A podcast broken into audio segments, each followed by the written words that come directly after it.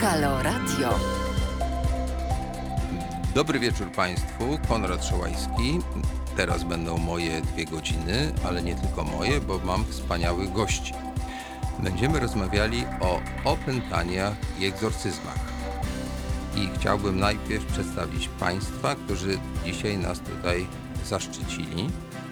E, więc tak, najpierw może powiem, że będziemy mieli fachowca, psychiatrę, doktor nauk medycznych, pani e, Kajetana Foryciarz, specjalista psychiatra e, chorób wewnętrznych i medycyny rodzinnej.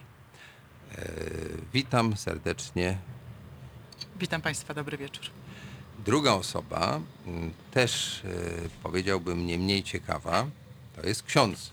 Ja nie wiem, czy to nie jest po raz pierwszy ksiądz w naszym radiu, a nawet jeśli nie, to jest ksiądz bardzo specyficzny, bo to jest ksiądz naukowiec. Tak naprawdę ja bardziej znam e, Andrzeja Kobylińskiego jako badacza, ale jest niewątpliwie księdzem. Jest filozofem, etykiem, doktorem habilitowanym nauk humanistycznych, profesorem Uniwersytetu Kardynała Stefana Wyszyńskiego w Warszawie. Dobry wieczór.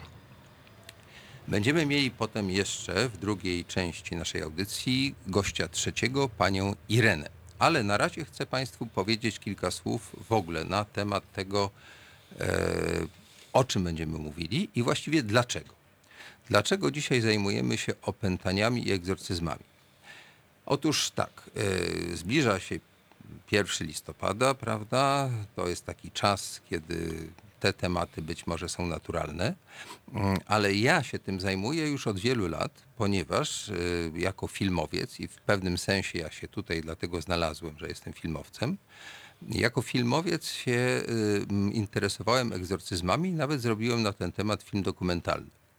E, Ten film zacząłem realizować, a właściwie nad nim tak pracować w 2012 roku. Zdjęcia były pierwsze na jesieni i ukończyłem go w 2015 roku. Premiera była w październiku.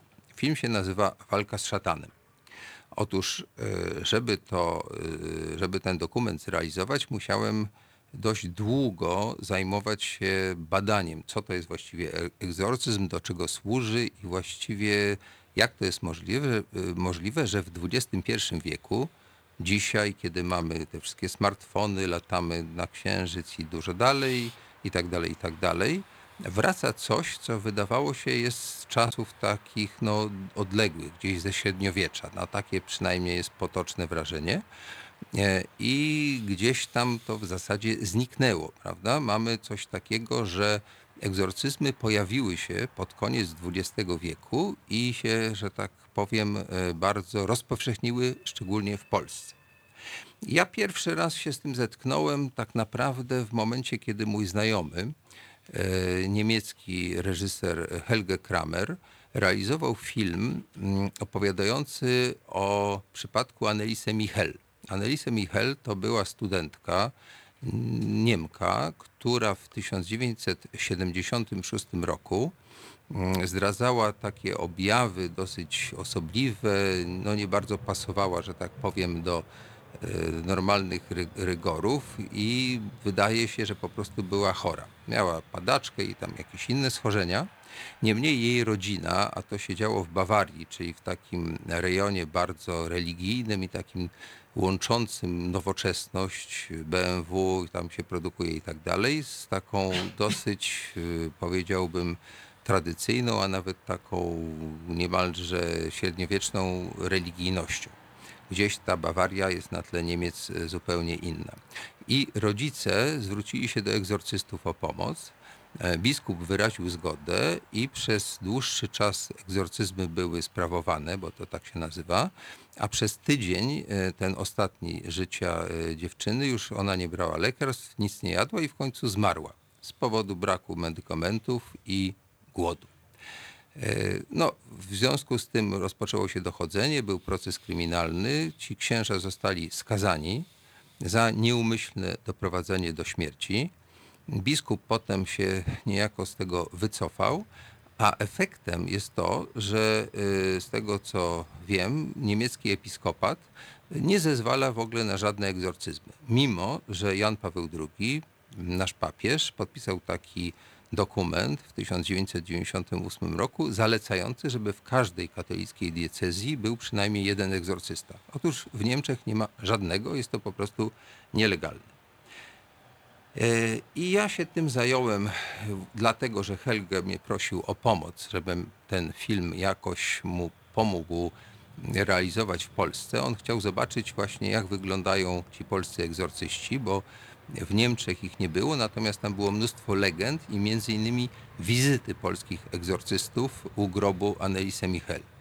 No i wówczas to było gdzieś 2009-10, yy, kiedy ja mu szukałem egzorcystów, to ich było stosunkowo mało. Ale udało nam się kilku znaleźć i oni tam udzielali wywiadów. Też yy, Helge kręcił zdjęcia e, w takiej miejscowości pod Szczecinem, gdzie miejscowy ksiądz egzorcysta chciał otworzyć szkołę egzorcystów, ksiądz Trojanowski w Poczerninie, jeśli dobrze pamiętam. To takie miejsce bardzo klimatyczne przypominało tę siedzibę, w której Chorpyna się ukrywała w Ogniem Mieczem. Bardzo to podobne z, z opisu. Mm, I ten film Helgego właśnie pokazał, co się działo w Niemczech i y, tak dosyć, powiedziałbym, marginalnie y, była tam wspomniana Polska. No to wówczas sobie pomyślałem, jak szukałem tematu następnego filmu, że warto może sięgnąć do tego i zobaczyć, co dalej, szczególnie, że e, w prasie były wiadomości, że coraz więcej jest, jest tych naszych egzorcystów, że to w zasadzie rośnie, ilość demonów się nieustannie powiększa i że to jest jakieś zjawisko niesłychanie e, intrygujące i ciekawe.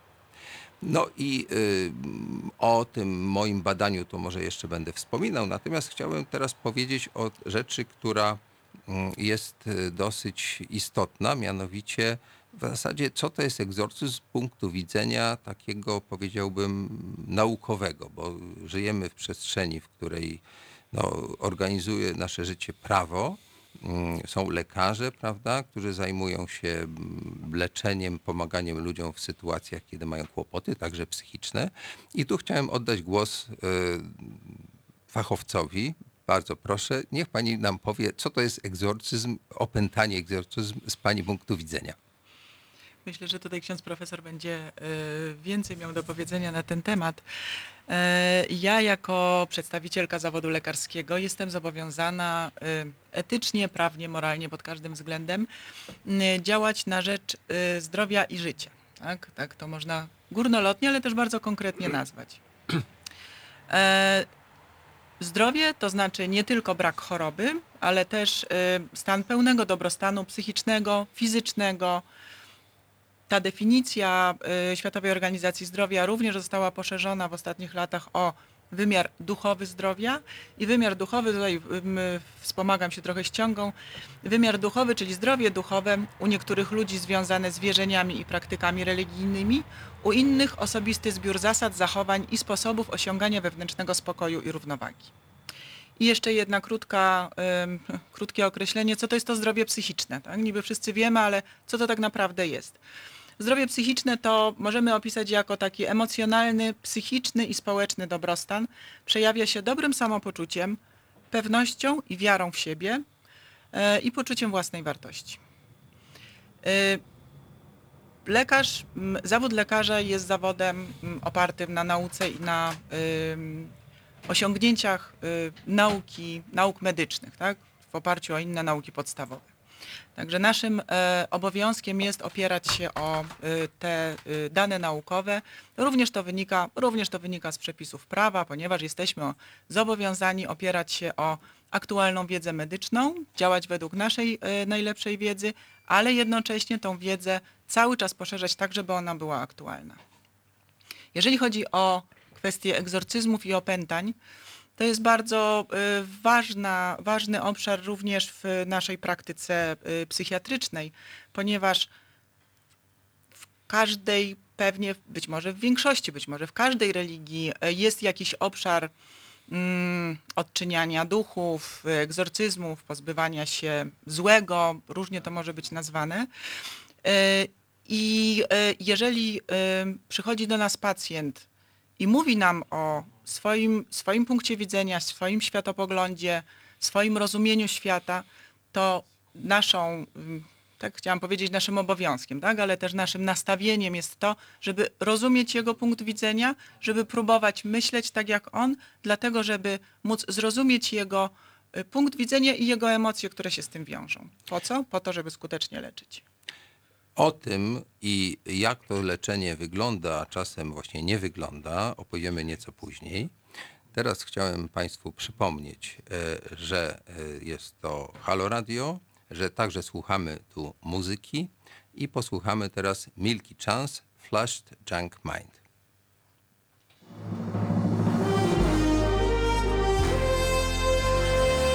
W środę Od 7 do 10 o kawę, informacje niekoniecznie straszne i dobry humor zadba Marika Krajniewska, która o polityce wie niewiele, ale liczy na Państwa.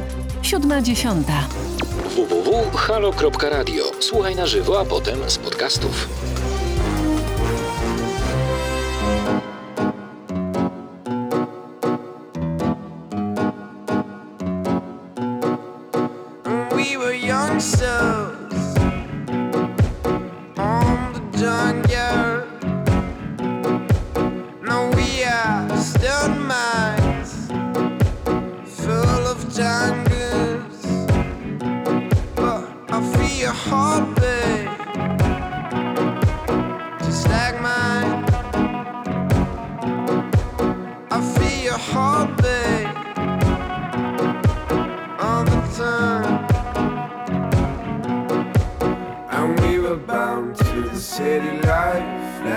Flashlights when we fall into the night.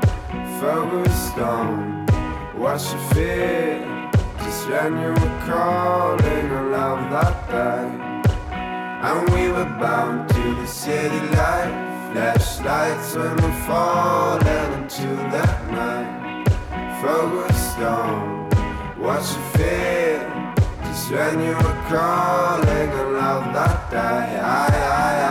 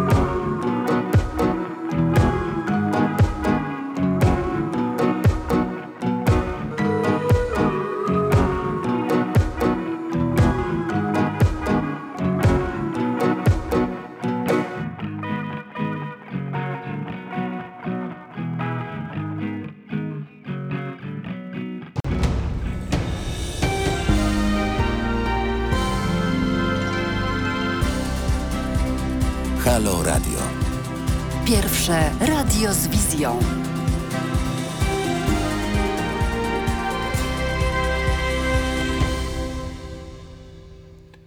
Dobry wieczór. Witam tych, którzy jeszcze nas nie słuchali. Dużo stracili, bo przedstawiałem naszych gości. Mamy dzisiaj zarówno wspaniałego badacza, księdza, naukowca, e, księdza Andrzeja Kobylińskiego jako gościa, jak i bardzo ciekawą osobę, doktora psychiatrii.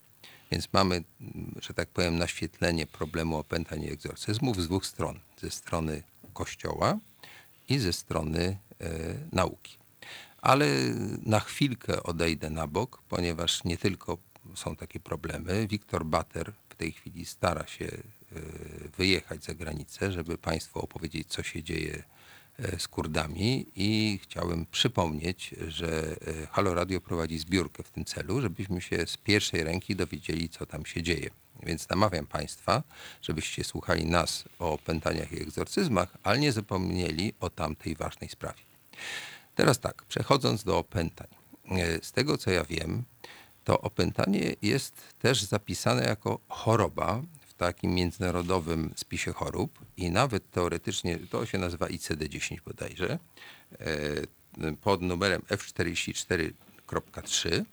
E, No tak jak koklusz, tak jak odra, czy jakieś inne choroby. I teoretycznie rzecz biorąc, e, lekarz pierwszego kontaktu, a może psychiatra, może dać takie L4 na opętanie, że tutaj mamy zwolnienie z pracy, dlatego że ktoś jest opętany. No proszę powiedzieć, czy to rzeczywiście tak jest i jak, jak, jest naprawdę.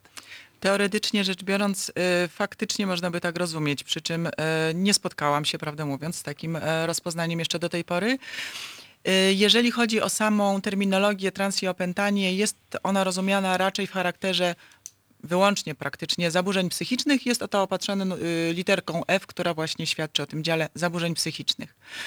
Y, Pod tym terminem y, w większości przypadków y, kryją się, kryje się ta forma zaburzeń dysocjacyjnych tak zwanych, które powstają, to jest taka grupa zaburzeń, u których źródła często powstaje, u których źródła leży ostra albo przewlekła, powtarzająca się trauma i reakcja organizmu, reakcja umysłu, reakcja ciała na borykanie się właśnie ze skutkami tej traumy. Jasne. To rozumiem, że medycyna do tego podchodzi jak do każdej innej choroby w jakimś sensie, prawda? Tak można A do tego... każdej indywidualnie. No tak, tak, tak, no bo to każdy człowiek jest inny, no ale jednak są powtarzalne, na przykład grypa, tak, to mniej więcej te same medykamenty dostajemy. Ale teraz tak, skoro mamy tutaj księdza badacza, to ja bym prosił, żeby z kolei ksiądz był tak uprzejmy, nam powiedział, jak to jest y, z księdza strony, jak ksiądz widzi te opętania i egzorcyzmy. Ja mam tutaj taką księgę, to się nazywa Nowy Rytuał Rzymski, to jest y, coś, co ja przestudiowałem i jak robiłem dokumentację, jak realizowałem zdjęcia, to ja zobaczyłem, że polscy egzorcyści dość luźno podchodzą do tego scenariusza, który przyszedł z Watykanu. Więc jak to właściwie jest? Co Kościół na ten temat myśli, albo co ksiądz myśli na ten temat, co, co Kościół myśli?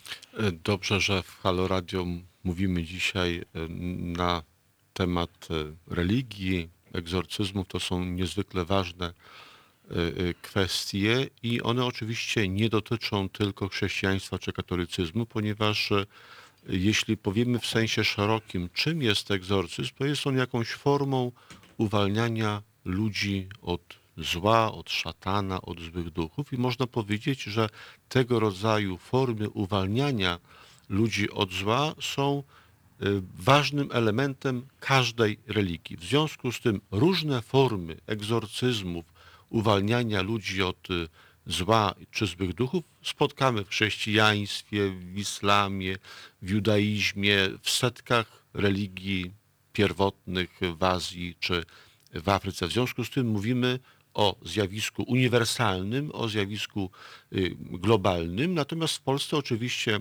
mając dominującą religię katolicką, y, najbardziej nas interesuje to, co mówi y, chrześcijaństwo na temat tego problemu w wersji katolickiej, która jest w Polsce religią najczęściej wyznawaną. To ja wejdę w słowo, bo tak jak ja to badałem, to pamiętam ówczesny biskup Polak, dzisiaj prymas, prawda? e, na moje pytanie, jaka jest wykładnia teologiczna i właściwie którego teologa mam posłuchać w tym zakresie, przynajmniej żeby wiedzieć, jakie jest stanowisko Kościoła, to on odpowiedział, że właściwie nie ma jednego stanowiska i że tutaj jest bardzo wiele różnych interpretacji. Niedawno przeczytałem, że generał jezuitów, i to nie w Polsce, bo ten generał jest na cały świat, uważa, że w ogóle nie ma diabła osobowego, że diabeł w takim rozumieniu jego to jest y, zło. To jest po prostu symbol zła i musimy walczyć ze złem. No i żeby jakoś to zapisać, to właśnie zostało zapisane, że to jest diabeł i tak dalej.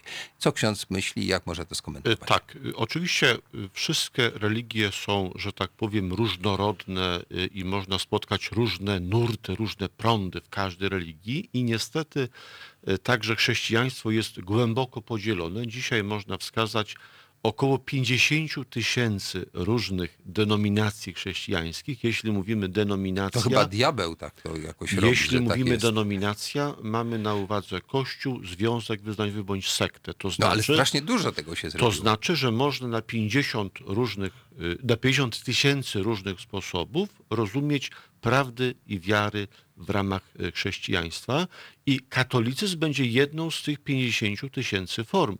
Ale Do księdza jeszcze nie będą prześladowali, jak ksiądz tak głośno mówi, że katolicyzm nie jest jedyny, bo tutaj jak gdyby w Polsce generalnie jest taka narracja, że katolicyzm jest jedyny, prawdziwy i słuszny, a Nie, no- wszystko pozostałe to są pochańcy. Nie, no to są takie bardzo banalne, uproszczone No y, przepraszam, ja cytuję, ocenne. to nie jest mój pogląd. Tak, to znaczy w ogóle w Polsce mamy głęboki analfabetyzm religijny y, i y, ten analfabetyzm sprawia, że trudno nam w naszym kraju mówić y, sensownie na tematy religijne. Ja powiem tak, że nawet w takich społeczeństwach jak Niemcy czy, czy, czy Włochy, gdzie jest dalej posunięty proces sekularyzacji, na temat religii można mówić sensowniej. Natomiast w Polsce nie mamy kultury debaty, gdy chodzi o teologię, filozofię czy religię. W związku z tym no, trzeba się tego y, nauczyć. No, I gdy chodzi o y, egzorcyzmy y, i gdy chodzi o Kościół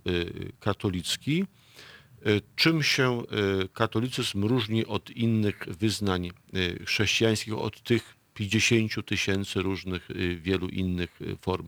No tym, że od 2000 lat katolicyzm próbuje pewne rzeczy normować, włącznie z tym, gdy chodzi o uwalnianie ludzi od zła. I można mówić, że Kościół katolicki ma pewne przyjęte zasady, jak to powinno wyglądać, a takich zasad nie spotkamy, gdy chodzi o tysiące innych wspólnot chrześcijańskich w Azji, w Afryce czy w Ameryce Południowej. Jest to, uważam, y, pozytywny aspekt y, katolicyzmu.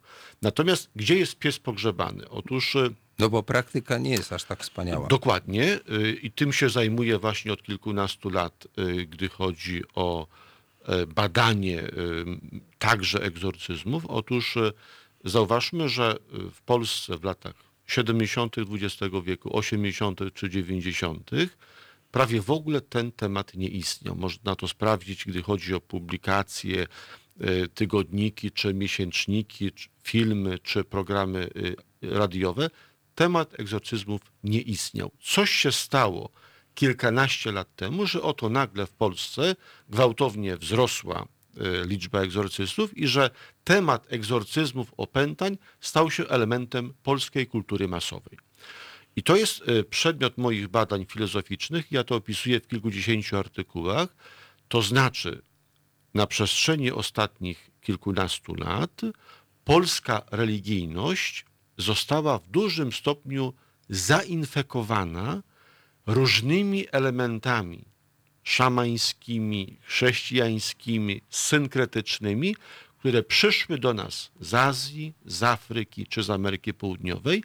I ten koktajl ostatnich lat, który mamy w naszym kraju, jest właśnie konsekwencją tego nowego procesu religijnego, który sprawił, że oto nagle mamy y, w naszym kraju także nowe rozumienie szatana, złych duchów czy opętań.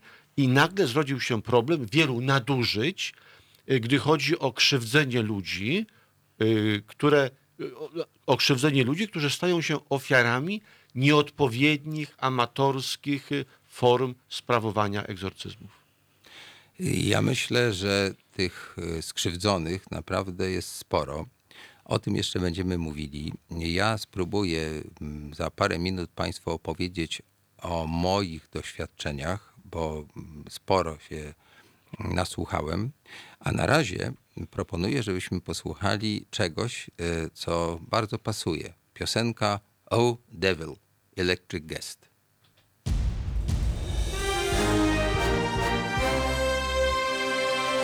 Halo Radio emituje swoje programy na żywo codziennie od 7 do 10 i od 15 do 23. W weekendy od 11 do 23. Nocą Halo Radio gra powtórki najciekawszych programów dla naszych rodaków z oceanu. www.halo.radio. Słuchaj na żywo, a potem z podcastów.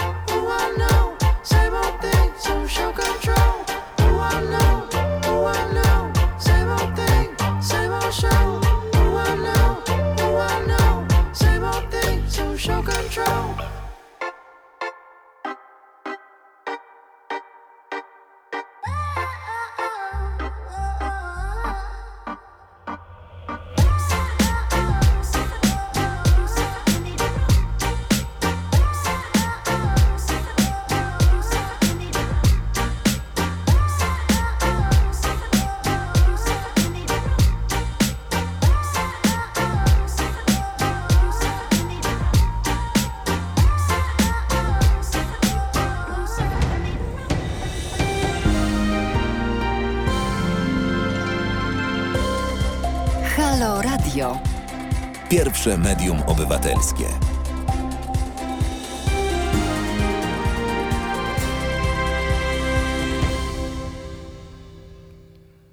Dobry wieczór Państwu. Konrad Szołajski, Halo Radio. Mam nadzieję, że ci, którzy słuchali, dalej nas słuchają, a dobry wieczór jest dla tych, którzy teraz zaczęli. Mamy fantastycznych gości, mamy doktora psychiatrę i mamy prawdziwego księdza badacza. E, Także dzisiaj to jest silna obstawa naukowa. Ale ja opowiem Państwu to, co ja wiem, a dopiero potem moich gości poproszę o komentarze.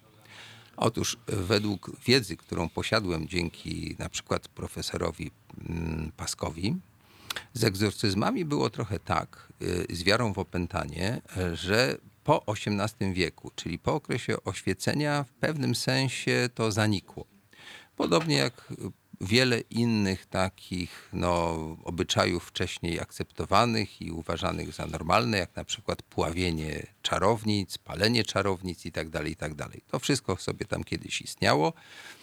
Podobno setki tysięcy kobiet zostały spalone, ale to w dawnych czasach. Wtedy zresztą jak był pomór, to też jedna trzecia Europy zdaje się wymarła, więc to te kataklizmy miały różny charakter, ale także ludzie sami siebie też dręczyli, zabijali.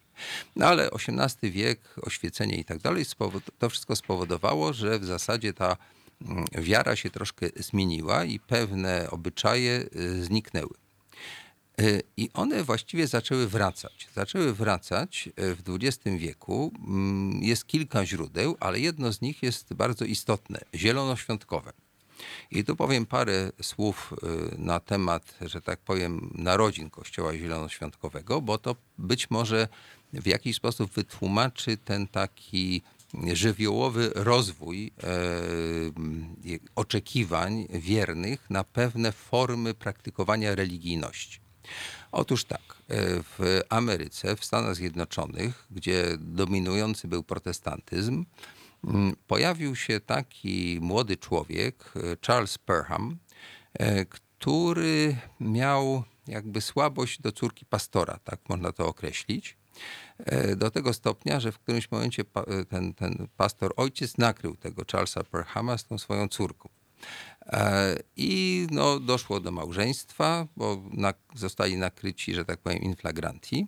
Mm, Charles Perham też zdaje się został pastorem, ale jego zachowania, jego sposób myślenia odbiegał nawet od tego protestantyzmu tam e, istniejącego, mm, bo on gdzieś tam zetknął się z tymi wiernymi, którzy lubili w kościele takie formy bardzo ekstatyczne, czyli takie zachowania, które są swobodne w sensie tańca, śpiewu, y, mm, rozmaitych y, fizycznych doznań, e, co teologicznie było tłumaczone, że tam dochodzi do zetknięcia bezpośredniego z duchem, tak? Że to jest tak, że ten wierny jakby czuje obecność Boga.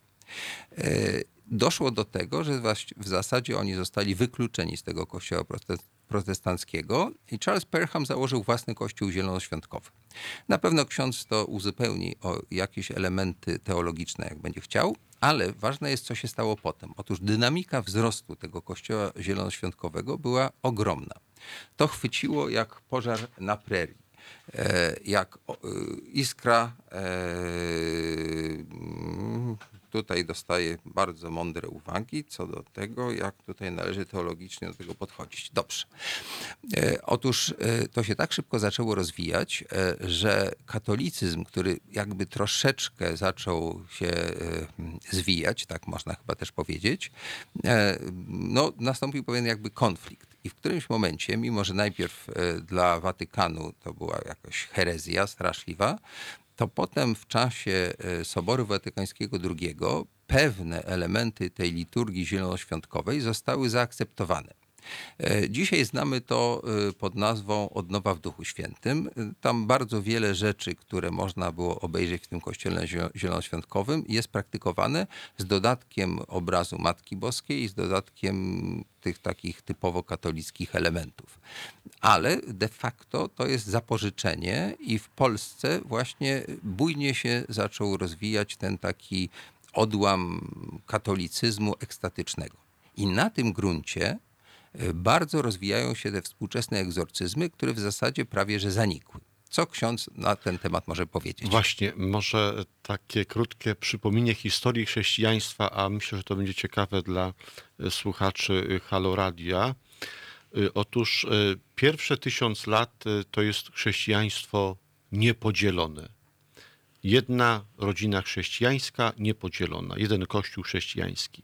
Przychodzi wiek XI i następuje wielka schizma wschodnia, następuje rozłam na Bizancjum, na chrześcijaństwo wschodnie i na Rzym, na chrześcijaństwo zachodnie. I tak te dwie gałęzie trwają do wieku XVI, gdy przychodzi Marcin Luter i tutaj powstaje ten trzeci odłam, czyli rodzina kościołów y, protestanckich. I te trzy nurty trwają do wieku XX, gdy na początku wieku XX, w roku 1901, powstaje Kościół chrześcijański, zielonoświątkowy chrześcijański w Stanach Zjednoczonych. I ten Kościół daje początek czwartej gałęzi kościołów zielonoświątkowych pentekostalnych. I dzisiaj ta czwarta nowa gałąź to jest już około 600, a nawet może 800 milionów, a niedługo to będzie miliard. To znaczy, że ta nowa gałąź, która zrodziła się y, ponad 100 lat temu, zaczyna być dominującym nurtem, gdy chodzi o chrześcijaństwo globalne. Mówiąc y, prosto i zwyczajnie, miliony chrześcijan z kościołów tradycyjnych, z kościoła katolickiego, od metodystów, baptystów y, czy chrześcijan episkopalnych, przechodzą do tysięcy nowych kościołów zielonoświątkowych w Azji, w Afryce, w Ameryce Południowej. I teraz właśnie tym, co nas tutaj interesuje, jest nowe zielonoświątkowe rozumienie e, diabła, szatana, egzorcyzmów i to, co się w Polsce właśnie dzieje na przestrzeni ostatnich y, lat, o czym ja piszę w kilkudziesięciu moich artykułach, które bardzo polecam słuchaczom, y, którzy nas dzisiaj słuchają. Y, Ja właśnie analizuję ten proces ostatnich kilkunastu lat w wielu moich opracowaniach naukowych, publicystycznych. Wszystkie są dostępne na kliknięcie, wystarczy wpisać Andrzej Kobyliński i to wszystko wyskakuje w internecie. Otóż na przestrzeni ostatnich lat do Kościoła katolickiego w Polsce, ale także w wielu innych krajach, wlało się szerokim nurtem nowe zielonoświątkowe rozumienie szatana, złych duchów, opętań i Panie także profesorze. różnych form uwalniania ludzi od zniewolenia. Panie profesorze, jeżeli mogę y, też podziękować za ten, y, za ten pasjonujący wykład, też religioznawczy, czy też kulturoznawczy. Y, No jednak też idąc w ślad za, za uwagą, którą tutaj dostaliśmy od słuchacza przed chwilą, co religia ma wspólnego z nauką. Problem zaczyna się Religia, o religii można rozmawiać bardzo długo i można rozmawiać o potrzebach człowieka, skąd religia powstaje i to jest pewnie temat na, na odrębną audycję, a być może na kilka takich audycji. Natomiast y, y, też ja tutaj z, z jakiegoś mojego obowiązku zawodowego y, przypominam Państwu, co się dzieje wtedy, kiedy e, ludzie zaczynają traktować swoje wierzenia jako prawdę. Wtedy zaczyna się kłopot. Wtedy ludzie tracą swoje zdrowie i wtedy ludzie bardzo często tracą swoje życie. I y, o tym mówimy pewnie rozmawiając o egzorcyzmach. Tylko, że może dodajmy też, że y, na początku wieku XXI obserwujemy w całym świecie wielkie ożywienie religijne. Dawno świat nie był tak religijny jak na początku XXI stulecia i warto dodać, że owszem, mamy postępującą sekularyzację, gdy chodzi o Europę, jeszcze trochę Australię. Y, To jest pół miliarda tak naprawdę ludzi, natomiast reszta świata, reszta świata, czyli 6,5 czy 7 miliardów, to jest postępująca desekularyzacja, to znaczy mamy wiosnę religijną, mamy ożywienie religijne i to rodzi oczywiście e, nowe problemy, ponieważ często to ożywienie religijne będzie mieć charakter troszeczkę irracjonalny, czasami fundamentalistyczny. E, W związku z tym e, dzisiaj jest wielkie pytanie o to, w jaki sposób poddawać różne formy religijne kontroli rozumu, w jaki sposób dawać nowym formom religijnym w Polsce, w Afryce czy w Azji jakąś podstawę także naukową czy racjonalną. Jasne. Trudno, trudno E, mówić. Mhm. A to e, ja Tak. e, e, pozwolę później, dlatego że chciałem teraz jeszcze dwa słowa powiedzieć o słuchaczach. Dobrze, przepraszam bardzo, że wszedłem w słowo. Otóż ja widzę, że jest ogromne zainteresowanie tą naszą dyskusją. Są przeciwstawne zupełnie opinie. Jedne mówią, że w ogóle ksiądz tutaj uprawia katechezę i nie chcą tego, a drudzy właśnie chcą się czegoś dowiedzieć, więc są dwa przeciwne nurty. E, Ale ja zachęcam tych, którzy komentują, żeby komentowali oczywiście jak najbardziej, ale być może także, żeby dzwonili, bo mogą porozmawiać i bezpośrednio zadać pytanie. E, Także sądzę, że teraz po prostu posłuchamy piosenki. E, Co jest? Dzwoni ktoś, tak?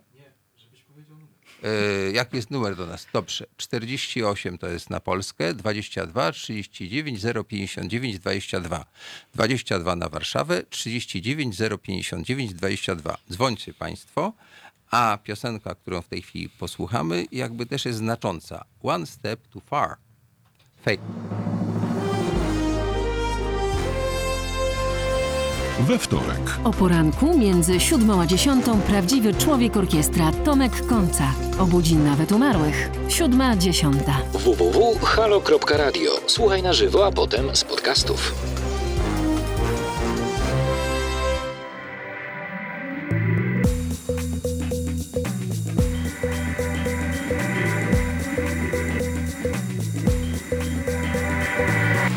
You can sleep forever,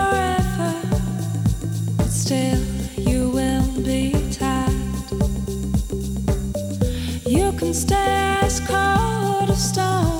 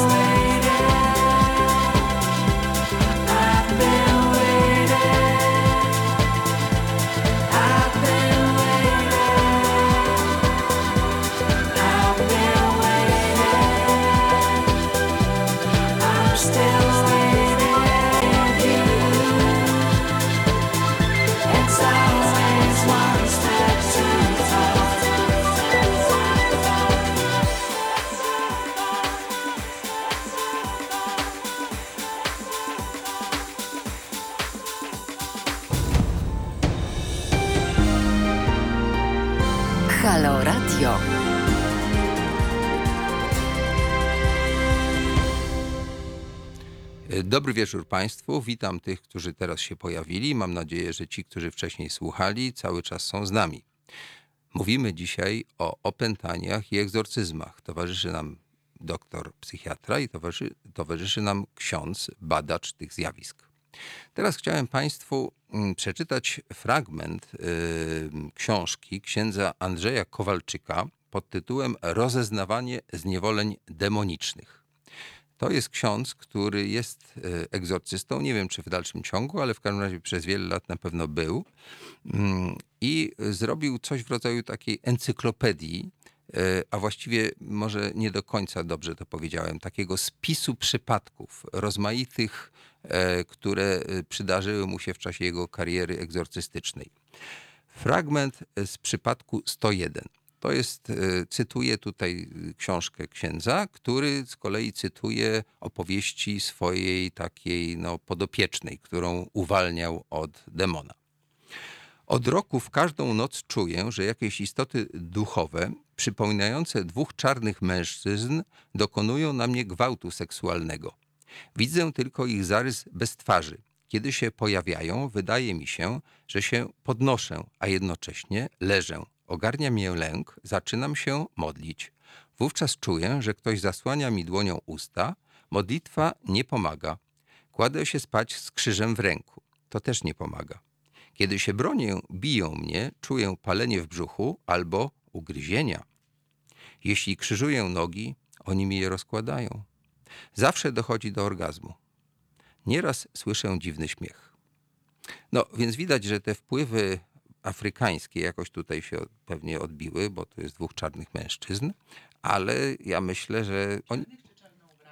E, Ja przeczytałem to, co jest napisane. No, trzeba by z tą panią porozmawiać, ale no, myślę, że mamy to, co mamy. To, co pani sądzi o, o, o, o, o tym zapisie, o tym e, problemie tej, tej mm, osoby? Y, Nie jestem w stanie diagnozować, prawda? Nie, nie, nie podejmuję się, ani- nawet tego mi nie wolno robić, diagnozować zaocznie bez, jak to się mówi, osobistego badania chorego. Y, Chętnie oczywiście się do tego odniosę. Też jeszcze chciałabym się odnieść trochę do, do wypowiedzi y, tutaj mojego współrozmówcy. Y, Jest pewne niebezpieczeństwo pomylenia, takie niebezpieczeństwo wymieszania pojęć. Przy religijności obecnej w świecie, o tym wiemy i, i, i wielu z nas akceptuje i fajnie, jeżeli akceptujemy e, własną religijność, cudzą religijność, niereligijność. Natomiast wymieszanie pojęć dotyczy racjonalności i racjonalizacji. Jeżeli poszukujemy racjonalności w religii, to z trudem ją znajdziemy, bo religia polega na wierzeniu, na wierze. Tak zresztą jest to określane. Natomiast racjonalność polega na tym, na co mamy konkretny dowód, co zostało udowodnione, że jest, że pomaga, że szkodzi. To może ja od razu mała korekta, ponieważ no, to jest obszar moich badań filozoficznych. Szanowna pani doktor, i no niestety, ale takich y, kwestii nie można w taki sposób mówić y, y, w radiu. Otóż mieliśmy świat religii mitycznych do Arystotelesa i rzeczywiście w świecie mitu nie było miejsca na podejście racjonalne do religii. No ale był ktoś taki jak Arystoteles w Grecji, prawda? Ojciec e, naszego zachodniego e, myślenia i to jest przełom, który wprowadził Arystoteles w dziejach myśli ludzkiej, gdy chodzi o racjonalne podejście do kwestii religijnych, do istnienia bogów, e, bóstw czy Boga osobowego. I od Arystotelesa mamy także możliwość rozstrzygania prawdy i fałszu, gdy chodzi o kwestie religijne i to jest nasza wielka tradycja świata zachodniego. Oczywiście e, ona jest obca, gdy chodzi o e, wierzenia afrykańskie czy azjatyckie, ale to jest nowość, którą wprowadził Arystoteles i my w Europie, w świecie zachodnim, odwołując się do kultury greckiej, do greckiej filozofii, czynimy także z religii przestrzeń, w której jest miejsce na racjonalność. Tak, y, to, to są ciekawe dyskusje filozoficzne z całą pewnością i też bardzo chętnie bym w nich wzięła udział.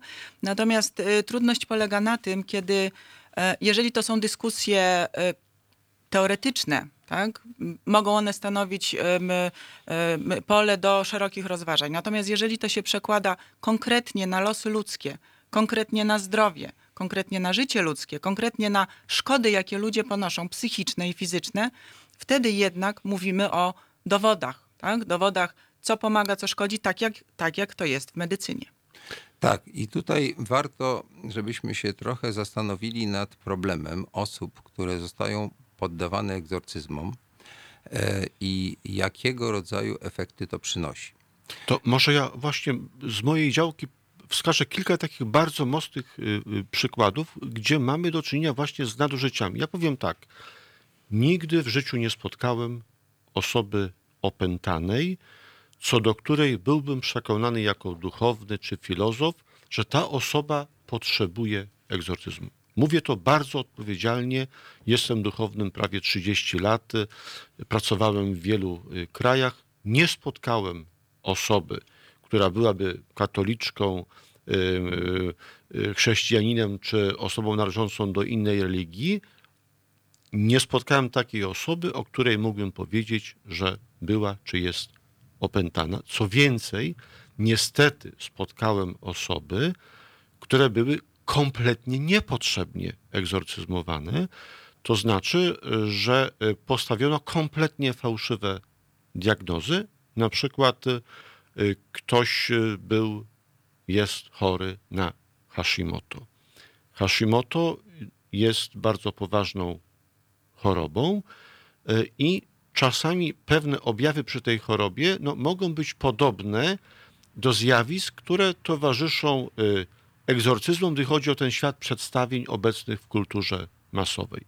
Spotkałem osoby, które miały różnego rodzaju zaburzenia neurologiczne e, i też tym zaburzeniom towarzyszyły pewne objawy, e, które spotykamy w opisach różnych e, egzorcyzmów. Tak, czyli tutaj jeżeli chodzi o tą rzeczywistość, o to jak to się przekłada, bo to doświadczenie i podobne w latach, i podobne widzę w jakości mamy z e, księdzem profesorem. E, Czyli przechodzimy na ten, na ten tak zwany real, tak? To znaczy to, co jest w rzeczywistości, to jak możemy, e, jak możemy skutecznie przeciwdziałać temu, żeby religia nie niszczyła ludzi. Dokładnie. To jest też y, jeden y, z obszarów moich badań, to znaczy w jaki sposób chronić życie religijne przed różnymi formami przemocy, y, nadużyć, ponieważ y, jeśli religia wymyka się kontroli rozumu, może stać się czymś y, niebezpiecznym. Widzimy to w formie radykalnej, gdy chodzi o fundamentalizm chociażby muzułmański, ale może być także wiele innych może być też wiele innych form, które są szkodliwe, jeśli religia wymyka się kontroli rozumu. Niestety, y, ja spotkałem się z bardzo wieloma takimi przykładami. Y, Za chwilę będziemy mieli możliwość porozmawiania, wysłuchania osoby, która y, była egzorcyzmowana i doznała i w swoim mniemaniu, i w odczuciu zarówno terapeutów, którzy teraz jej pomagają, jak i prawników, wielkiej szkody. E, Także to jest problem nie tylko dotyczący wewnętrznych spraw Kościoła, ale problem społeczny, ponieważ to są po prostu obywatele naszego kraju wciągani i jakby zmuszani czasem do pewnych praktyk. Za chwilę o tym usłyszymy.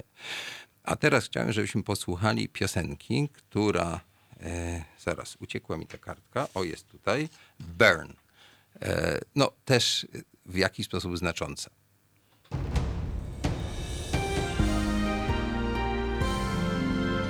Środę Od 19 do 21 Halo Tuzienia, czyli Eko Agata Skrzypczyk i jej zielony świat.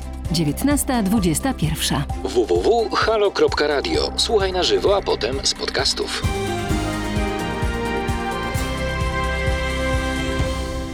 Once again, it shakes, it stirs you. I'm getting close enough to feel the heat. And I know just what you're going to say. Get as far as you can, make a U turn, baby. But when I'm up close, it's too late to turn back. Oh, just like a boat, I'm attracted to the late. I'm attracted to the late. I'm attracted to the burn.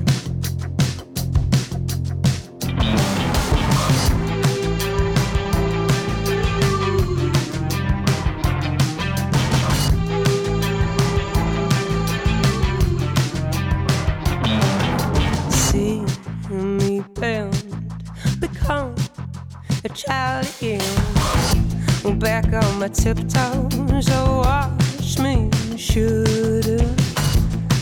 By my own will, I'm here for the fun. No matter where I start, I know very well where the sun's. But when I'm up close, it's too late to turn back. We're just like a boat. I'm attracted to the late, I'm attracted to the late, I'm attracted to the burn.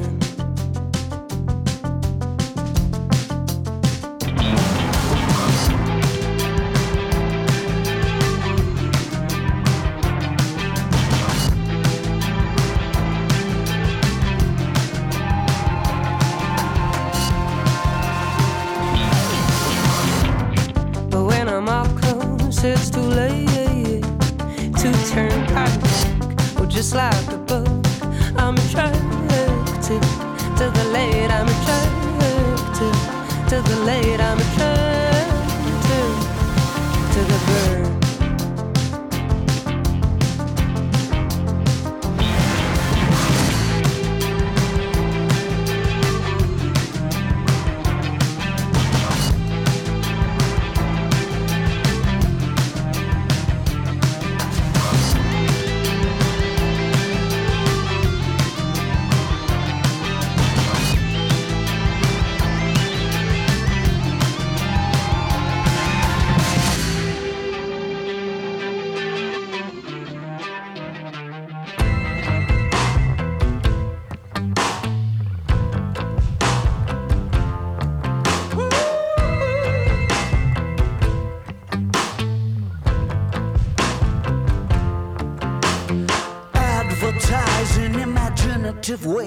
Start your free trial today. Come on in the water's lovely look. You could meet someone you like. You're in the meat of your strike. It is that easy.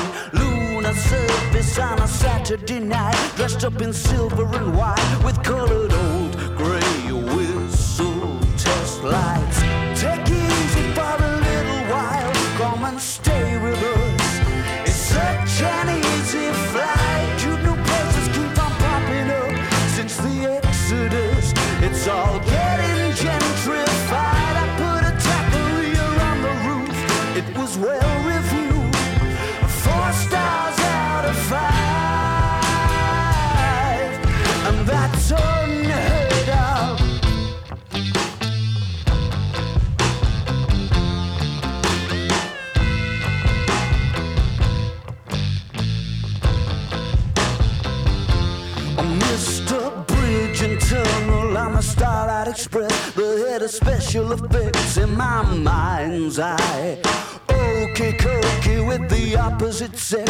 things you try to forget. Doesn't time fly?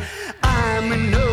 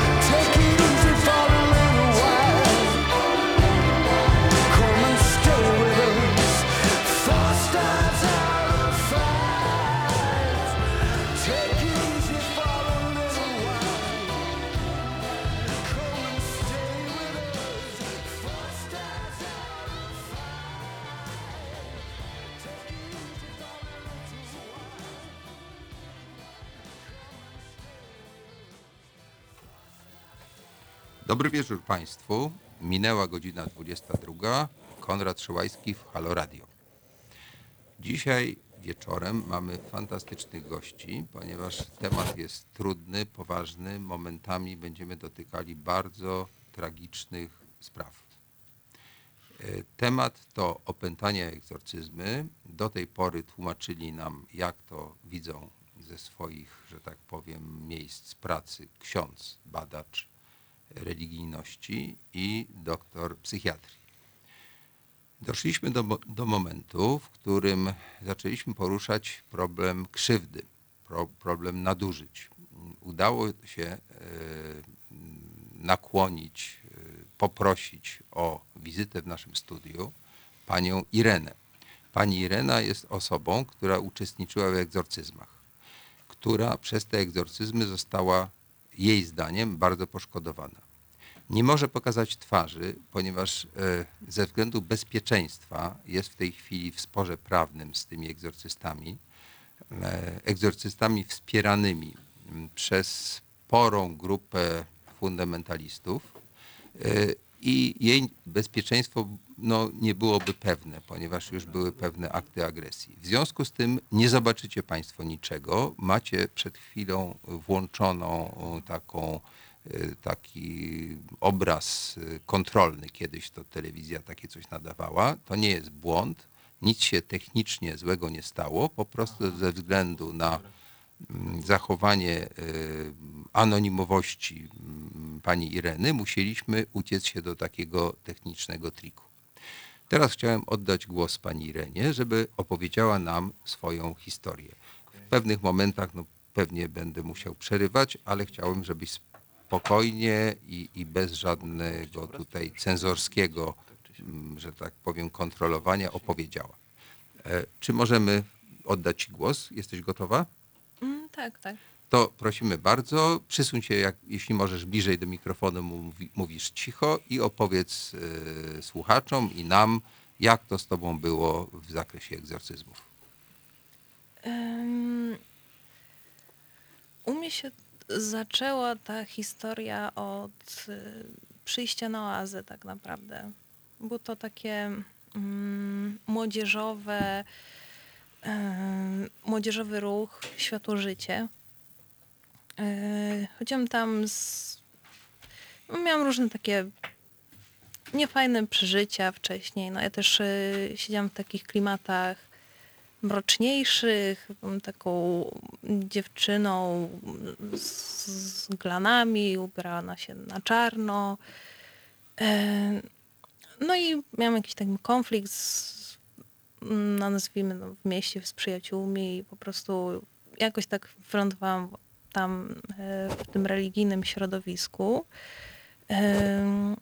Można powiedzieć, że no, byłam młodą osobą, y, no, to było liceum i szukam siebie po prostu, tak jak typowa chyba nastolatka.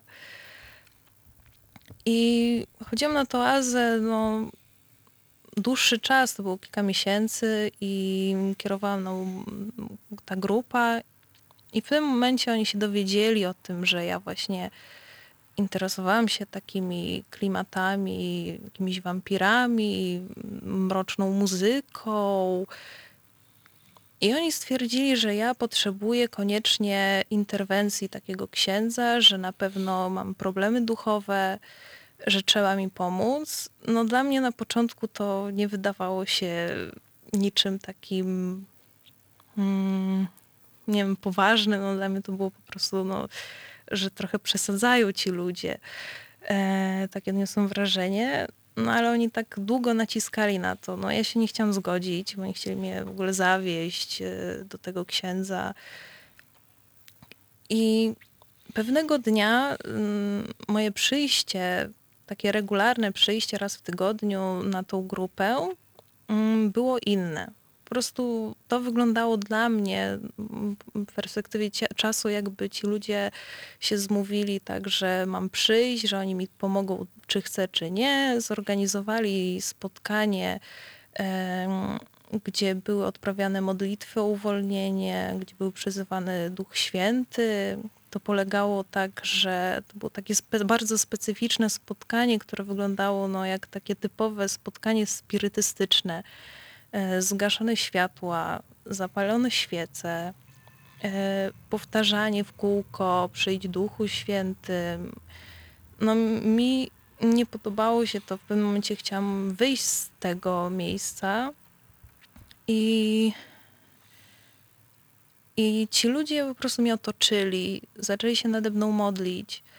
Ale czy to byli y, duchowni czy świeccy? To były osoby świeckie kierowane przez y, księdza, który nie miał tej posługi, był zwykłym wikariuszem, który prowadził tą grupę. E, ale nagle po prostu no, tak jakby, nie wiem, ten ksiądz czekał gdzieś albo przyjechał. Przyszedł ten ksiądz.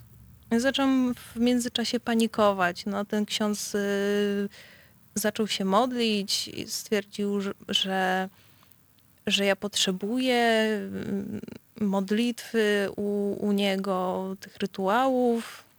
No, mi się to nie podobało, jednak ta grupa tak naciskała, bo moja reakcja była dość wtedy taka silna, tego strachu, że co się dzieje, że po prostu tak jak ci ludzie oczekiwali u mnie jakiejś reakcji i ja w pewnym momencie czułem, że coś się dzieje nie tak, że coś jest nie tak i po dłuższych naciskach tej grupy, no to stwierdziłam, że no dobra, no może mi to pomoże w jakiś sposób. Ale czułaś taką potrzebę, żeby coś się Mm. stało takiego, no żeby jakieś twoje, nie wiem, myśli, jakieś objawy zniknęły, czy oni ci to niejako narzucali? Jak to było? Oni mi to bardzo narzucili, bo na początku no, mi się to nie podobało, tylko że nie, nie miałam dużo asertywności w sobie i stwierdziłam, że dobrze, to pójdę dla nich. Jak im tak bardzo zależy, to pójdę dla tych ludzi. To się i rodzice tych innych osób y, w to y, wciągnęły i, i te wsz- wszyscy mm, członkowie tej grupy. No i faktycznie zaczęli mnie wozić do tego księdza.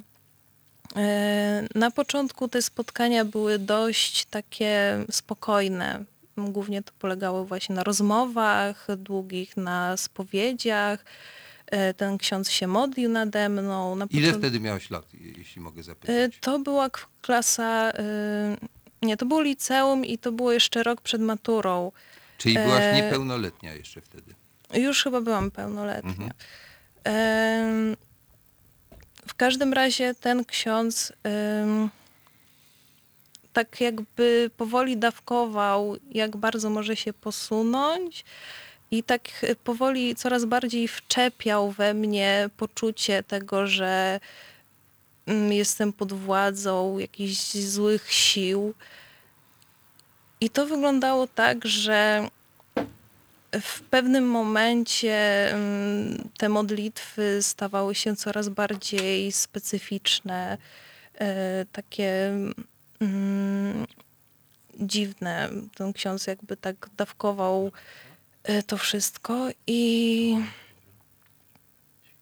i ja w pewnym momencie no już uwierzyłam w to, że, że we mnie coś siedzi, że moje myśli to nie moje myśli. Zaczęłam A, mi... ale wcześniej miałaś coś takiego, że takie niepokoje cię pchały w tę stronę, czy to wszystko było zaszczepione w czasie tych spotkań? Mm, Moim zdaniem to ten ksiądz mi to wczepił. Wcześniej miałam takie podejście do takich spraw bardzo sceptyczne. E, Wręcz dla mnie to było śmieszne, że to takie rzeczy to tylko jakieś filmy, że to jest e, no, coś na pewno, co się nie dzieje w świecie realnym. E, No i no jedynie we mnie były jakieś takie poszukiwania, tak, że mnie interesowały jakieś takie mroczne rzeczy. Ja, ja dużo robiłam jakichś takich, nie wiem, mrocznych jakichś tam rysunków, bo ja lubiłam smoki, strasznie fantastyka mnie interesowała. E, takie klimaty Tolkiena, no takie, no coś, co lubią zwykle młode osoby i i tak naprawdę samo w sobie nie jest niczym złym. No, nie chodziłam, nie robiłam nikomu krzywdy. Yy, No ale ten ksiądz mówił, że to wszystko, co robiłam, te, te wampiry, te, te smoki, to mnie otworzyło na działanie tych złych sił. I to trwało długo, bo to trwało kilka lat, takie urabianie mnie i dawkowanie tego wszystkiego. Kiedy ja zaczęłam wierzyć w to, zaczęłam się zachowywać, no tak, tak naprawdę tak jak ten ksiądz chciał. E, przerwę ci teraz na moment. Ja bym chciał, żebyś odpoczęła, bo wiem, że teraz zacznie się ta trudniejsza część, prawda? Także spokojnie, nie denerwujmy się. Trzeba to opowiedzieć, ale z takim poczuciem, że teraz naprawdę ci już nic nie grozi. Dobrze? Także odpocznijmy chwilkę i posłuchajmy muzyki. Mela Kuteluk, e, Stale płynę.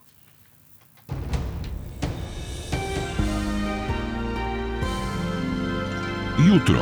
Od 21 do 23 telefony od Państwa odbiera Jacek Zimnik. Rozmowa, dialog, zrozumienie i żadnej agresji.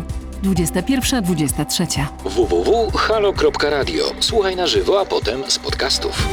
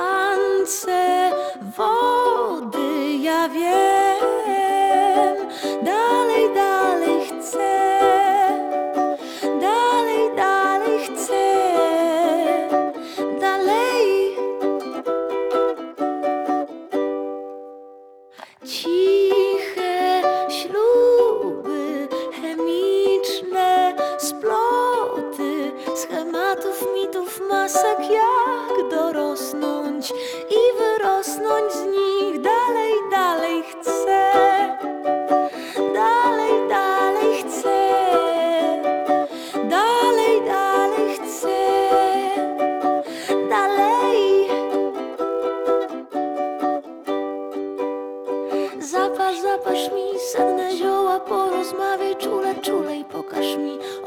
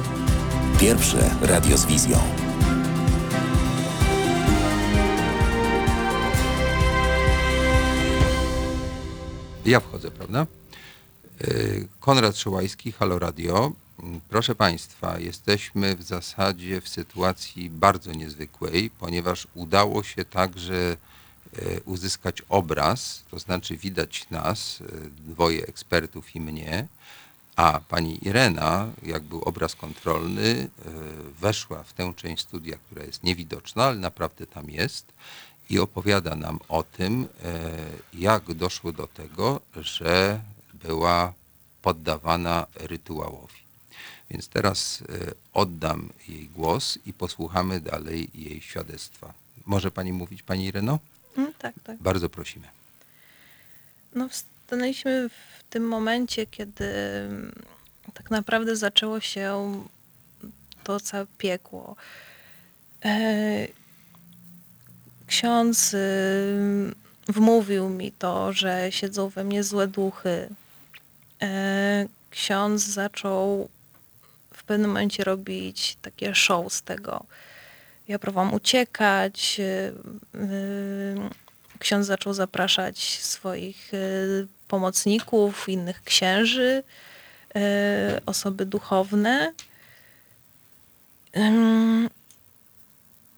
Ci ludzie oprócz właśnie takiego rytuału stosowali no, chociażby jakieś pasy, zaczęli mnie związywać, zaczęli się na mnie kłaść. Ale czy oni to robili dlatego, że coś się takiego działo, że nie wiem, ty się dziwnie zachowywałaś, czy oni od tego zaczynali? Y, To wyglądało tak, że oni zakładali, że będzie ten zły duch, więc trzeba było mnie unieruchomić, zanim coś się zaczęło dziać. Bo wcześniej na przykład miałam potrzeby uciekania, bo wiedziałam, jak to się skończy, że zaraz ksiądz y, będzie stosować jakąś siłą mnie, żeby mnie powalić. Zawsze to się zaczynało tak, że ksiądz próbował mnie przewrócić. W sensie podcinał mi nogi, ja się przewracałam. Mm, Przychodzili właśnie ci inni księża.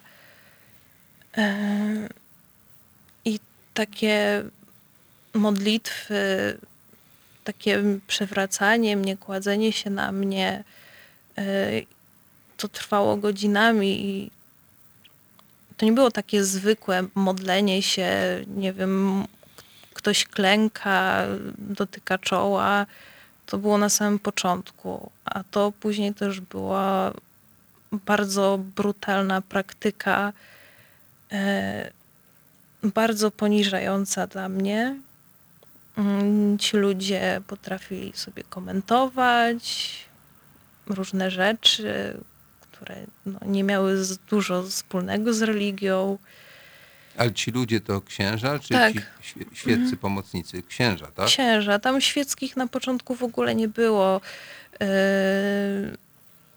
Tam byli sami właśnie księża, czasami przyjeżdżali coś inni księża. Tak jakby to było w zamkniętym jakimś środowisku.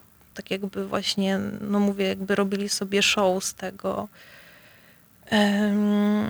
Ale jak to możliwe? Ty już mówiłaś, że miałaś, y, pani, przepraszam, pani Ireno, y, pani mówiła, że pani już skończyła 18 lat, prawda? I y, to było tak, że w zasadzie mogła pani tam nie pojechać, tak? To jak, jak to się działo, że mimo tych przeżyć, mimo tego poczucia bycia wykorzystywaną, traktowaną jako, no nie wiem jak to nazwać, atrakcja, y, zgadzała się pani na to? No to jest y, dobrze wytłumaczony jest y, syndrom sztokholmski, to by pani mogła się wypowiedzieć. Em, Ten ksiądz mi obiecywał, że, że to jest konieczne. Ten ksiądz po prostu mnie urobił. On y, poza rytuałami zachowywał się jak taki właśnie ojciec, taki, że, że on robi wszystko, żeby mi pomóc, że tak musi być. E, Ja po prostu nie wiedziałam, co mam myśleć. Mm, Jak to negowałam, to ksiądz stwierdził, że to diabeł za mnie myśli, każe mi tak mówić. E, Czyli była pani już w takim, jakby to powiedzieć, y, poczuciu, że no, ten ksiądz coś jednak y, może zrobić, tak? Że on coś więcej rozumie, tak? Tak, ten ksiądz ciągle powtarzał jak mantrę, że musi być między nami kry- kryształ, że ja muszę mu mówić dosłownie wszystko. E, Ten ksiądz też, no to jest konieczne, żeby powiedzieć, też bardzo urobił moich rodziców, E, bo moi rodzice na początku nie wiedzieli, co się dzieje. W końcu moja mama zauważyła, że coś złego się dzieje z jej dzieckiem, bo zaczęłam bardzo wyglądać zaniedbanie. Ale czy mama w ogóle mm, uważała, że to dobrze, że tam jeździsz i rodzina cię, że tak powiem, popychała w tę stronę, czy też oni nie, nie bardzo się orientowali? Właśnie na początku moja mama miała takie podejście, że nie wiedziała w ogóle, co się dzieje. Ja powiedziałam, bo mój kontakt z rodzicami no, nigdy nie był taki zbyt dobry, nie było takiej otwartości między nami. Moja mama po prostu mnie zmusiła powiedzieć, co się dzieje, bo zauważyła, że no, coś się dzieje, coś bardzo złego. E, Ja powiedziałam tylko, że no, bo się nawróciłam, zaczęłam chodzić do kościoła. Coś takiego. Moja mama powiedziała coś, co dzisiaj to by było w ogóle nie do pomyślenia, żeby coś takiego powiedziała, że jeżeli no, to sprawia, że jestem taka smutna, że, że cierpię, bo ona to widzi, to może lepiej nie chodzić do takiego kościoła. Ja później to oczywiście musiałam powiedzieć księdzu, bo ksiądz kazał mówić wszystko.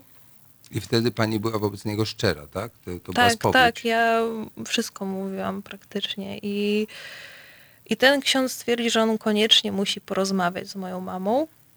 E, I on po rozmowie z moją mamą, później z moim tatą, tak owinął wokół palca moich rodziców, że moi e, moja rodzina tak naprawdę w tym momencie ja straciłam już całkowicie swoich rodziców. Oni stali się pomocnikami kolejnymi księdza.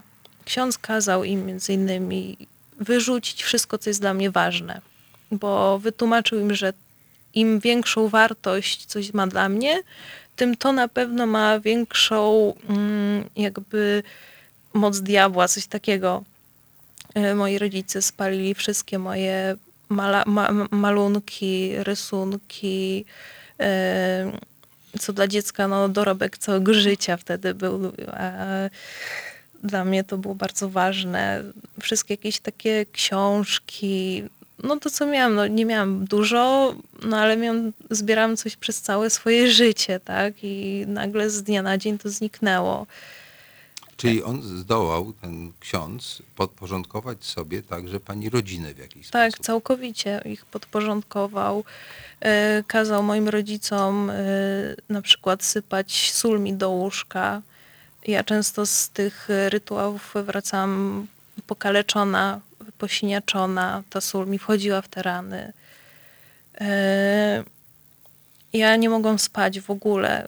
Mm, W Jak tym często pani okresie. y, uczestniczyła w tym rytuale? To było często to, e, zwykle to było albo raz w tygodniu, czasami kilka razy w tygodniu. E, ksiądz też zabronił mi w ogóle się zadawać z innymi ludźmi, że on stwierdził, że jeżeli ja gdzieś pójdę się z kimś spotkać, jeżeli ja będę mieć internet, kontakt z światem zewnętrznym, to zaraz się znowu otworzą furtki złe, dla złego ducha kolejne. Więc ja byłam odcięta tak naprawdę całkowicie od rzeczywistości. E, Tylko to, no mówię, to trwało nie tak nagle, tylko to trwało, to było rozciągnięte w czasie. No jak długo właśnie? Jak, jak to wyglądało tak kalendarzowo? Y, Kalendarzowo to było około 3-4 lat. Y, No wtedy byłam właśnie dzieckiem w liceum, czy już taką osobą, która wchodziła już właśnie w dorosłość. Ja zaczęłam właśnie uciekać z domu co chwilę. Ale uciekać y, do tego księdza, czy w ogóle od tego W wszystkiego? ogóle uciekać do lasu. Uciekam do lasu. Ksiądz mnie później wziął do siebie do domu. Ja mieszkałam z tym księdzem. Spałam z nim w łóżku jednym. Ksiądz przychodził i tłumaczył to, że musi mnie pilnować w nocy.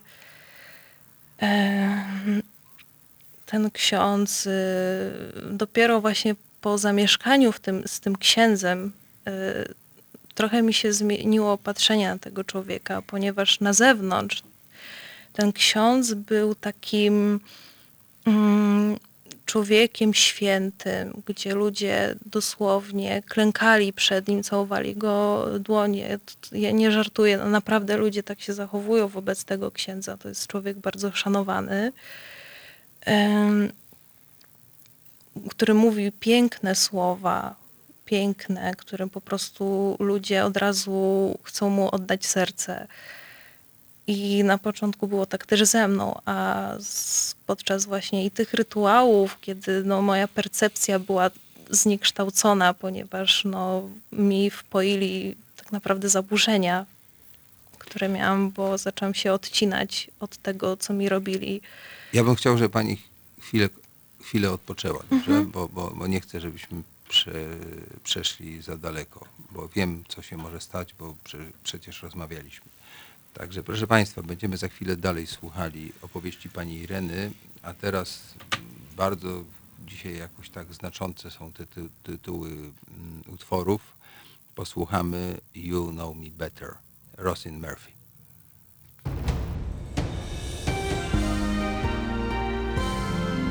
we wtorek. Między 19 a 21 reżyser i aktywista obywatelski Bart Staszewski oraz cała gama tematów pod hasłem Prawa osób LGBT. 19.21 www.halo.radio. Słuchaj na żywo, a potem z podcastów.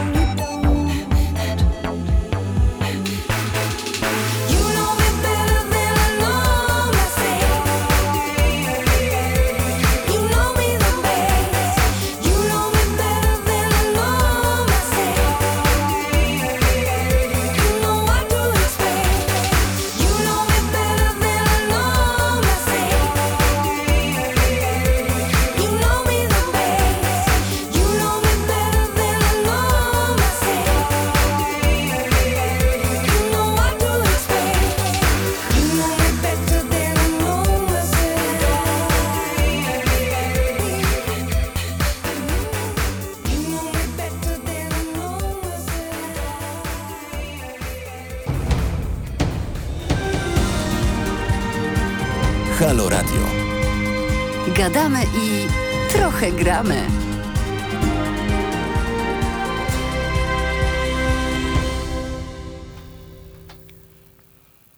Dobry wieczór, Konrad Szołajski, Halo Radio. To jest dość niesamowita sytuacja, bo rozmawiamy o pętaniach i egzorcyzmach i słuchamy teraz świadectwa, które po raz pierwszy jest taką szczerością i w taki sposób wypowiadane Y, ja sam, mimo że przez kilka lat uczestniczyłem, mm, robiąc film, ja nie, ja nie byłem uczestnikiem w sensie religijnym, tylko w sensie obserwatora, więc mimo tego, że przez kilka lat uczestniczyłem w rozmaitych rytuałach, i trochę wiem, jak to się odbywa i sporo słyszałem, to kiedy po raz pierwszy spotkałem panią Irenę i dowiedziałem się, co się z nią stało, to naprawdę byłem wstrząśnięty. Na szczęście zgodziła się opowiadać, bo to jest chyba ważne, żebyśmy wiedzieli, jaka jest prawda, co się dzieje mm, na tych sesjach y, dość mało przypominających lub wcale nie przypominających rytuałów religijnych, bo okazuje się, że tam chodzi właściwie o zupełnie co innego. Pani Reno, może Pani dalej opowiadać? Tak, tak. Y, To proszę powiedzieć mniej więcej, gdzie to się działo, bo ja rozumiem, że to wcale nie jest jakiś, jakaś zapadła wioska gdzieś w lasach, tylko że to jest blisko Warszawy, prawda? I- Tak, to się zaczęło pod Warszawą. E, tak naprawdę to 10 minut drogi do Warszawy. Więc y, no mówię, tam ludzie zjeżdżają się do tego księdza też z daleka, nie? ponieważ ksiądz y, odprawia różne mm, spotkania takie religijne, właśnie msze od uwolnienie, tego typu rzeczy, gdzie tam rozdaje tą sól też, y, mm, tam święci różne rzeczy. No i mówię, no ten ksiądz miał wielką charyzmę, to ten ksiądz bardzo przyciąga ludzi. Mm. I właśnie miał taką z jednej strony właśnie twarz świętego, a z drugiej strony no to, co tam się działo, kiedy było już tak najgorzej, to e, tak jak właśnie pani wcześniej wspomniała o zaburzeniach dysocjacyjnych, to jest obrona psychiki, żeby się odciąć od tego, co się dzieje, żeby tak naprawdę nie zwariować. Mi mój psychiatra i psychoterapeuta e, powiedzieli, że tak naprawdę te zaburzenia e, mi pomogły, bo gdyby nie to, to byłoby ciężko. E, Ja się odcinam i miałam takie nastawienie, że to wszystko, co się dzieje, to się dzieje tym złym duchom, a nie mi. Po prostu już miałam takie wrażenie, że ja po prostu się włączam, nie było mnie, były tylko te złe duchy. Ci księża kładli się, ci księża czuli, to, to było czuć, że czuli seksualną mm, satysfakcję z tego. Oni się ocierali o mnie. E, mm, komentowali. E, w pewnym momencie ja zaczęłam jeździć do różnych miejsc. Ten ksiądz mnie woził do Częstochowy, do Lichenia, gdzie byli też inni księża, którzy no też e, przyszli popatrzeć. Miał on tu tłumaczył, że muszę jeździć, bo w Licheniu są jakieś relikwie albo coś takiego. E, Zacząłem mieszkać w różnych klasztorach po to, żeby on to tłumaczył, że ja muszę być pod kloszem świętości, żeby nie otworzyć tych furtek, bo jeżeli on już jakieś tam demony wygonił, to jest y, to, to jak y, teraz ja pójdę gdzieś, to będzie pięć razy więcej tych demonów. Tak to jakoś tłumaczył. E, a w trakcie tego wszystkiego ich było jakby coraz więcej, bo coraz więcej jakichś osobowości mi za, zaczął wywierać we mnie ten człowiek. I w takich właśnie momentach ja miałam bardzo dużo prób samobójczych. Ja uciekałam, y, próbowałam y, się wykrwawić, ja sobie wbijałam węflony w żyły. Nie na zasadzie, że nie wiem, robiłam sobie jakąś szramę czy coś, tylko po prostu wbijałam węflon najgrubszy, jaki znalazłam i szłam do lasu się wykrwawić. E, Też w tym czasie bardzo nie dbałam o swoje zdrowie, więc e, nie piłam dużo, nie jadłam dużo, więc e, tak naprawdę to mi też ratowało życie, bo ta krew od razu krzepła i, i tyle, ile straciłam, no tyle straciłam. No, kilka razy byłam w szpitalu, chcieli mi przetaczać krew. Ja nigdy nie, nie chciałam, żeby mi przetoczyli krwi, ponieważ no, chciałam umrzeć tak naprawdę. Mnie to było bez sensu. Niech ta krew się przyda komuś, kto jej naprawdę potrzebuje. E, Nikt nie wiedział, co mi się dzieje, bo ja nikomu nie mówiłam w szpitalu. Mm, Wszyscy myśleli, że ja, bo tak właśnie ksiądz stwierdził, że ja wymiotuję tą krwią. I też ksiądz e, powiedział, że jeżeli no właśnie rodzice znajdowali kałużę krwi obok mojego łóżka, bo już w pewnym momencie nie miałam siły wstawać do łazienki, żeby się tam wykrwawić tak jak zawsze, bo ja po prostu regularnie zaczęłam spuszczać z siebie krew, to ksiądz się cieszył i mówił, że o to dobrze, bo to demon wampiryzmu ze mnie wychodzi, że jego modlitwy są skuteczne. Ja zaczęłam jeździć do kolejnych księży z taką posługą, yy, gdzie czasami było delikatniej, a czasami było jeszcze gorzej. Najgorzej było w jednym miejscu, e, gdzie był właśnie stół, e, do którego mnie związano i ten ksiądz. e, Już w samochodzie widziałam, że ten ksiądz jest jakimś psychopatą, bo ja nie chciałam w ogóle wyjść z tego samochodu, ale mnie zmuszono, zaciągnięto mnie właśnie na dół do piwnicy, bo to zazwyczaj ogólnie się działo w piwnicach na terenie y, sakralnych. E, Tam była malutka salka, stół. e, Ten ksiądz y, miał swoich pomocników. Tam były też osoby świeckie tym razem które oprócz modlitwy, takiego umodlenia, na przykład mieli polecenia, że mają mi obciąć paznokcie. E, niby dla bezpieczeństwa, nie wiem czy mnie, czy bardziej tego księdza, gdzie w ogóle nie mogą się ruszyć, bo to były pasy na rękach, na nogach kilka, wzdłuż y, całe ciało miałam tak naprawdę no, przytwierdzone, że nie mogą nawet głową ruszyć.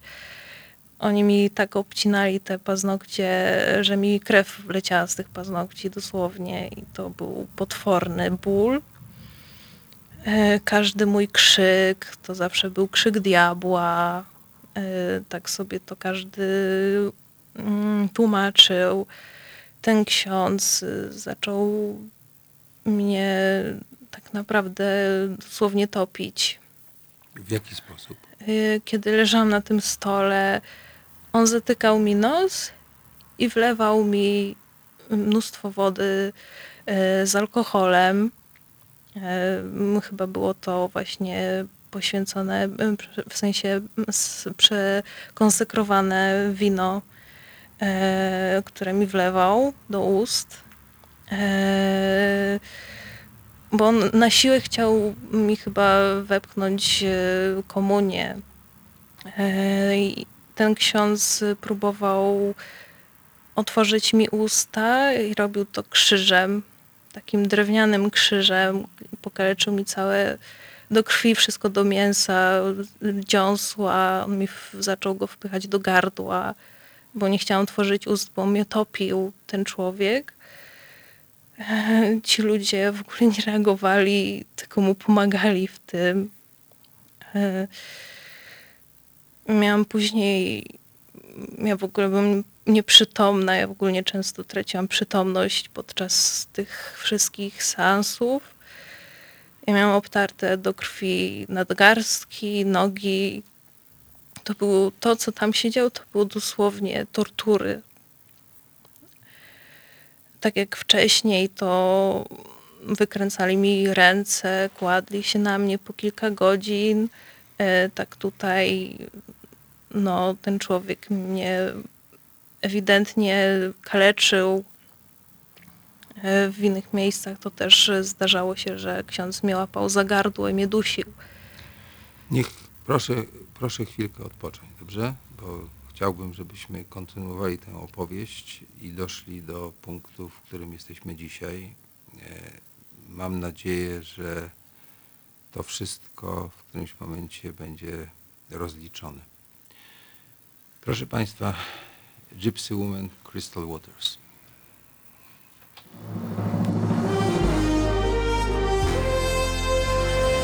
We wtorek. O poranku między siódmą a dziesiątą prawdziwy człowiek orkiestra Tomek Konca. Obudzi nawet umarłych. Siódma, dziesiąta. www.halo.radio. Słuchaj na żywo, a potem z podcastów.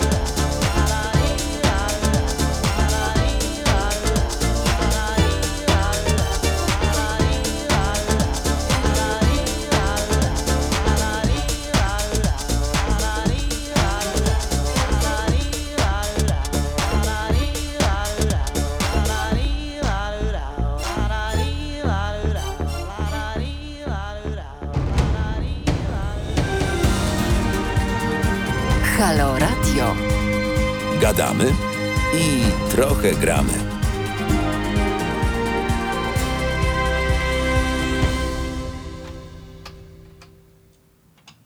Dobry wieczór Państwu, Konrad Szyłajski, Halo Radio. Ja myślę, że ci, którzy słuchali do tej pory opowieści Pani Ireny, są dalej z nami. Którzy nie słuchali, będą zaszokowani. Opowiada nam o swoich przeżyciach osoba, która była poddana jakimś niewiarygodnie okrutnym praktykom w trakcie rytuału egzorcyzmów. Ja nie chcę w tej chwili tego komentować, bo to po prostu jest straszne. Pani Reno, może Pani dalej opowiadać? Mhm, tak. Proszę. Em, tak jak właśnie mówiłam wcześniej, em, ci księża zaczęli mnie torturować dosłownie, w dosłownym tym sensie znaczeniu. Ksiądz, y, tak naprawdę chyba każdy, który właśnie był taki brutalny, mm, ale przede wszystkim właśnie ten pierwszy, powtarzał takie sformułowanie, że im gorzej, tym lepiej. Im gorzej było ze mną, z moim stanem fizycznym i psychicznym, to on się cieszył, ponieważ widział, że ten diabeł we mnie przegrywa, że on już tak silnie walczy o swoje, że próbuje mnie zabić i to dobrze. E, Gdzie tak naprawdę wykańczały mnie te praktyki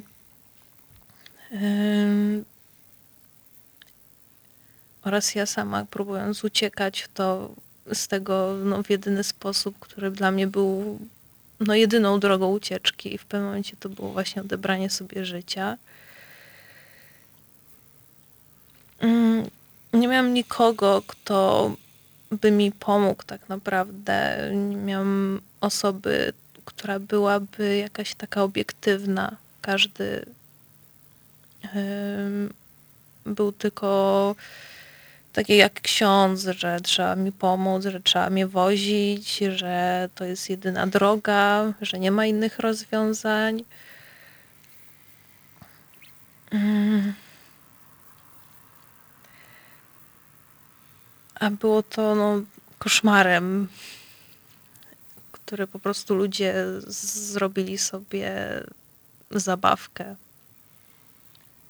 Stworzyli w- nastolatce, która wchodziła w, już w dorosłość, zaburzenia, które wykorzystywali na swój bardzo no, chory sposób.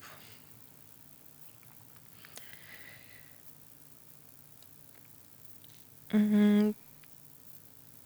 No po ostatnim y, rytuale właśnie w tej piwnicy, gdzie skończyłam, miałam poobcierane y, ręce, nadgarstki, kostki od tych pasów skórzanych. Y, Ja pamiętam, że bardzo chciałam jechać do szpitala, ponieważ ten y, ksiądz uszkodził mi dziąsła i mnie strasznie bolały.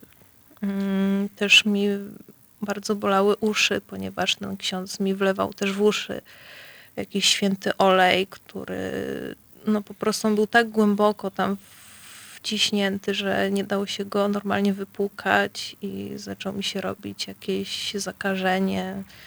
Z dnia na dzień mi coraz bardziej bolały uszy. Mam dużo siniaków, y, różnych takich obrażeń, y, więc prawdopodobnie dlatego mi nie pozwolono jechać do szpitala tym czasie.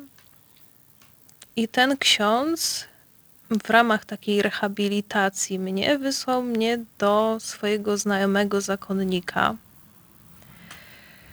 e, gdzie tam miałam zamieszkać przez jakiś czas. Był to męski klasztor.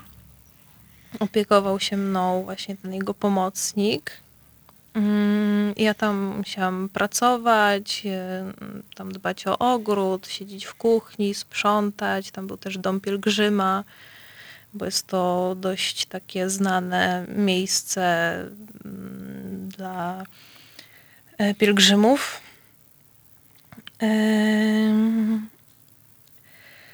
I na początku no, było to takie odcięcie się od wszystkiego. No też tam nie, nie mogłam mieć internetu ani nic, no, wiadomo, tak było wszędzie.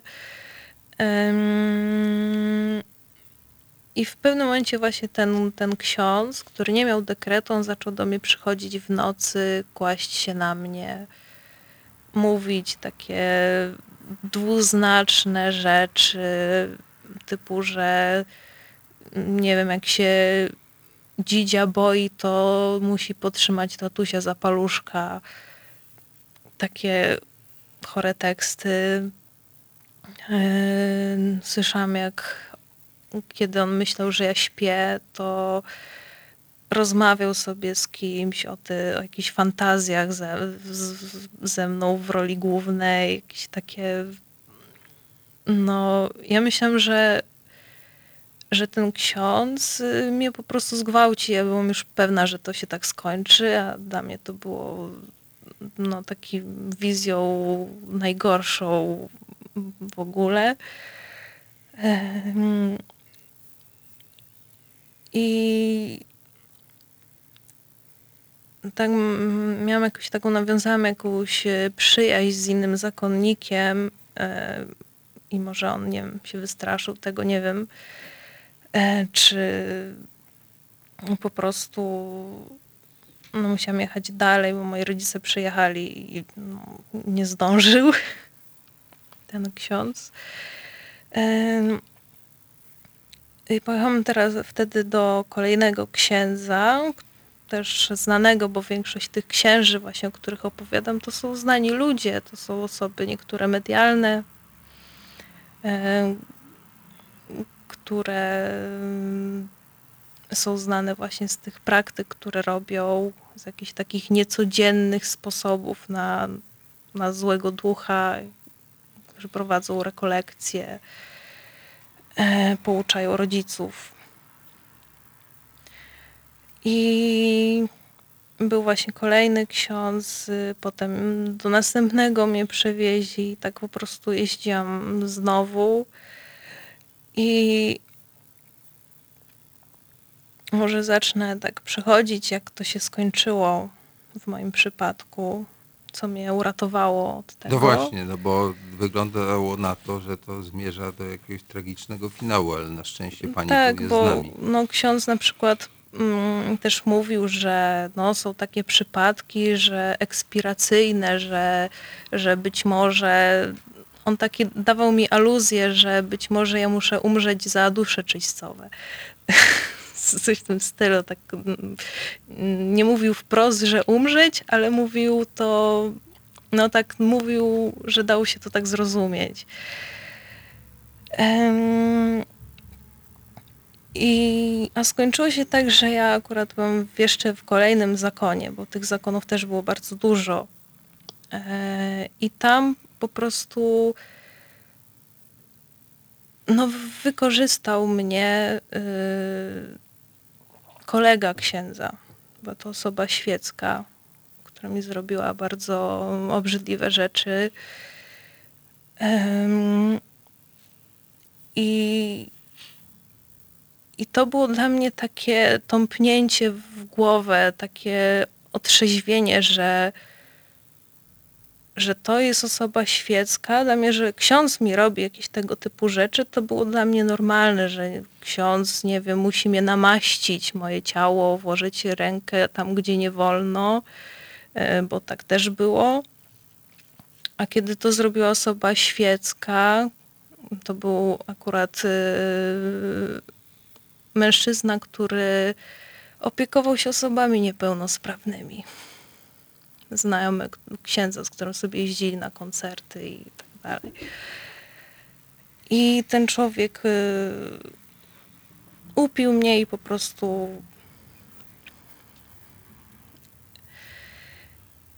I to się skończyło tym, że ten ksiądz, gdy się dowiedział, ukarał mnie, nie tego kolegę, bo mi nigdy nikt nie wierzył z tym środowisku. Zawsze, kiedy coś mówiłam, kiedy próbowałam się skarżyć, Właśnie dlatego ja nie mówiłam, już w pewnym momencie przestałam mówić, bo nikt mi nie wierzył. Każdy uważał, że to jest zły duch. Każde moje słowo. I stwierdziłam, że już nigdy więcej po tym. Też były inne sytuacje, typu też osoby świeckie, też mm, wcześniej no, była sytuacja, że w nocy ktoś mnie pobił i też próbował ta osoba mi zrobić, też jakiś chłopak po alkoholu zrobić mi krzywdę. E, I to były właśnie takie dwie sytuacje z osobami świeckimi, i wtedy w tym e, przypadku ja byłam pobita, miałam złamany nos i dzwoniłam do księdza, krwawiąc, żeby mnie wpuścił A on stwierdził, że nie, że mnie nie wpuści. Nie chciał mnie wpuścić na teren y, kancelarii po prostu, mimo że był i spał. Musiał uciec do osób świeckich, gdzieś y, naprzeciwko było wesele akurat. I tam akurat mnie ktoś wziął, też ktoś chciał mnie na policję, a dla mnie to, że nie, na policję nie, do domu.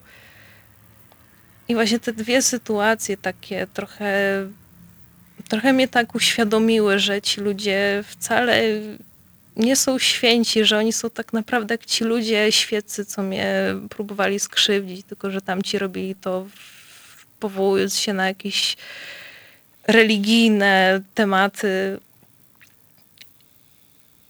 I, I tak udało mi się jakoś y, odciąć od tego, też z pomocą przyjaciółki, która mnie wyciągnęła i musiałam się wyprowadzić, po prostu uciec z domu, bo, no bo się nie dało inaczej.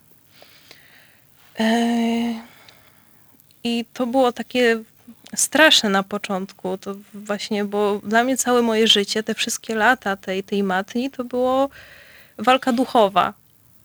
Tam nie było niczego, miejsca na cokolwiek innego, jakieś hobby, jakieś cokolwiek.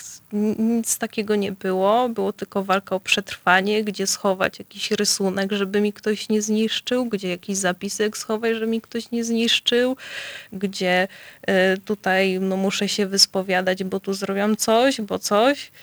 Tak całe życie wyglądało te kilka lat niemożność zaplanowania wszystkiego, bo nie wiedziałam, czy ja przeżyję kolejny tydzień na przykład, dosłownie.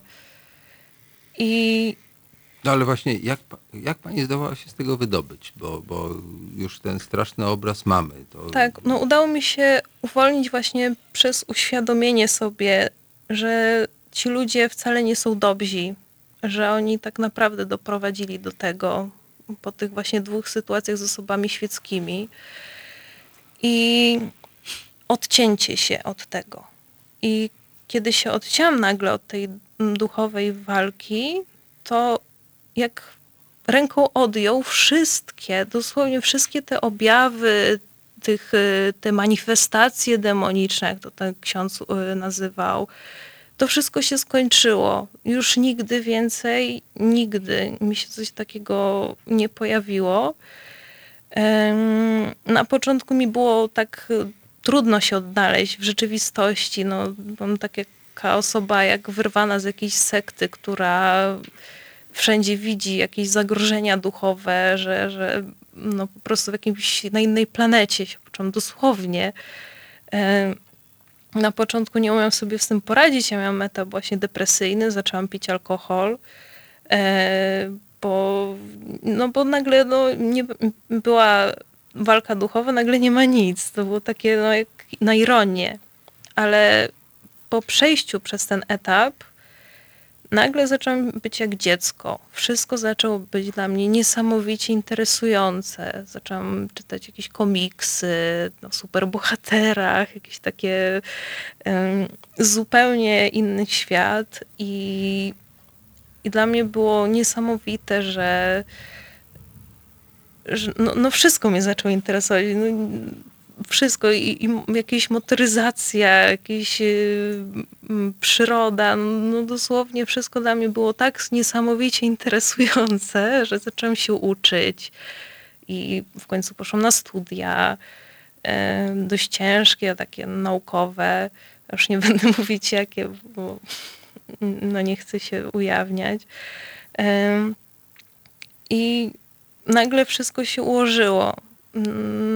Zaczął być normalnie, no, normalnie na swój sposób, no bo no, mi się wydaje, że nigdy już nie będzie normalnie dla mnie, e, bo do dzisiaj mam wiele problemów. y, Czasami no, mam jakieś ataki paniki, nie mogę jeździć komunikacją, ponieważ kiedy jest dużo ludzi, mm, to do mnie wracają, ktoś mnie ściśnie tej komunikacji, to po prostu no, zdarzało się, że miałam napady paniki, e, czasami mocniejsze.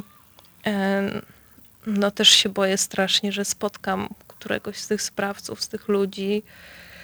E, Raz się zdarzyło właśnie w komunikacji też i miałam bardzo silny atak i na szczęście był ze mną przyjaciel, który jakoś mnie ogarniał. No, nawet nie pamiętam, co się wtedy działo. Niech, pani chwilę odpocznie, dobrze? Mhm. Bo mi się wydaje, że, że nie możemy przeciągać struny. Yy, ale niech pani z nami zostanie. Ja bym chciał, żeby państwo to skomentowali. Nie wiem, kto, kto, kto z państwa pierwszy. Może, mo, mo, może ksiądz.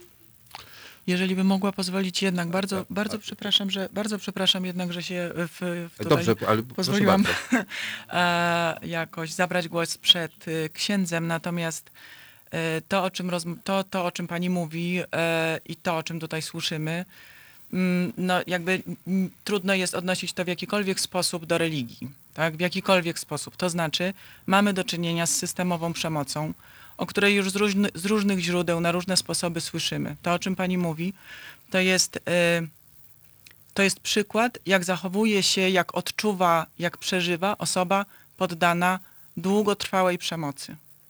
Dokładnie to, co po, tam w języku angielskim jest y, określane jako drapieżnicy, tak? Trudno jest takie słowo polskie na to znaleźć, czyli osoby, które z powodów ich psychopatologii, którą się teraz nie zajmujemy, chociaż byłoby to interesujące, e, dokonują czynów e, dramatycznej zupełnie przemocy, która mogłaby być, no, mogła, powinna być porównana z przemocą w najgorszych etapach systemów totalitarnych, tak? Bo to jakby będąc w różnych miejscach słyszy się o torturach, które były zadawane i to są właśnie te tortury takie podobne, których pani doświadczyła.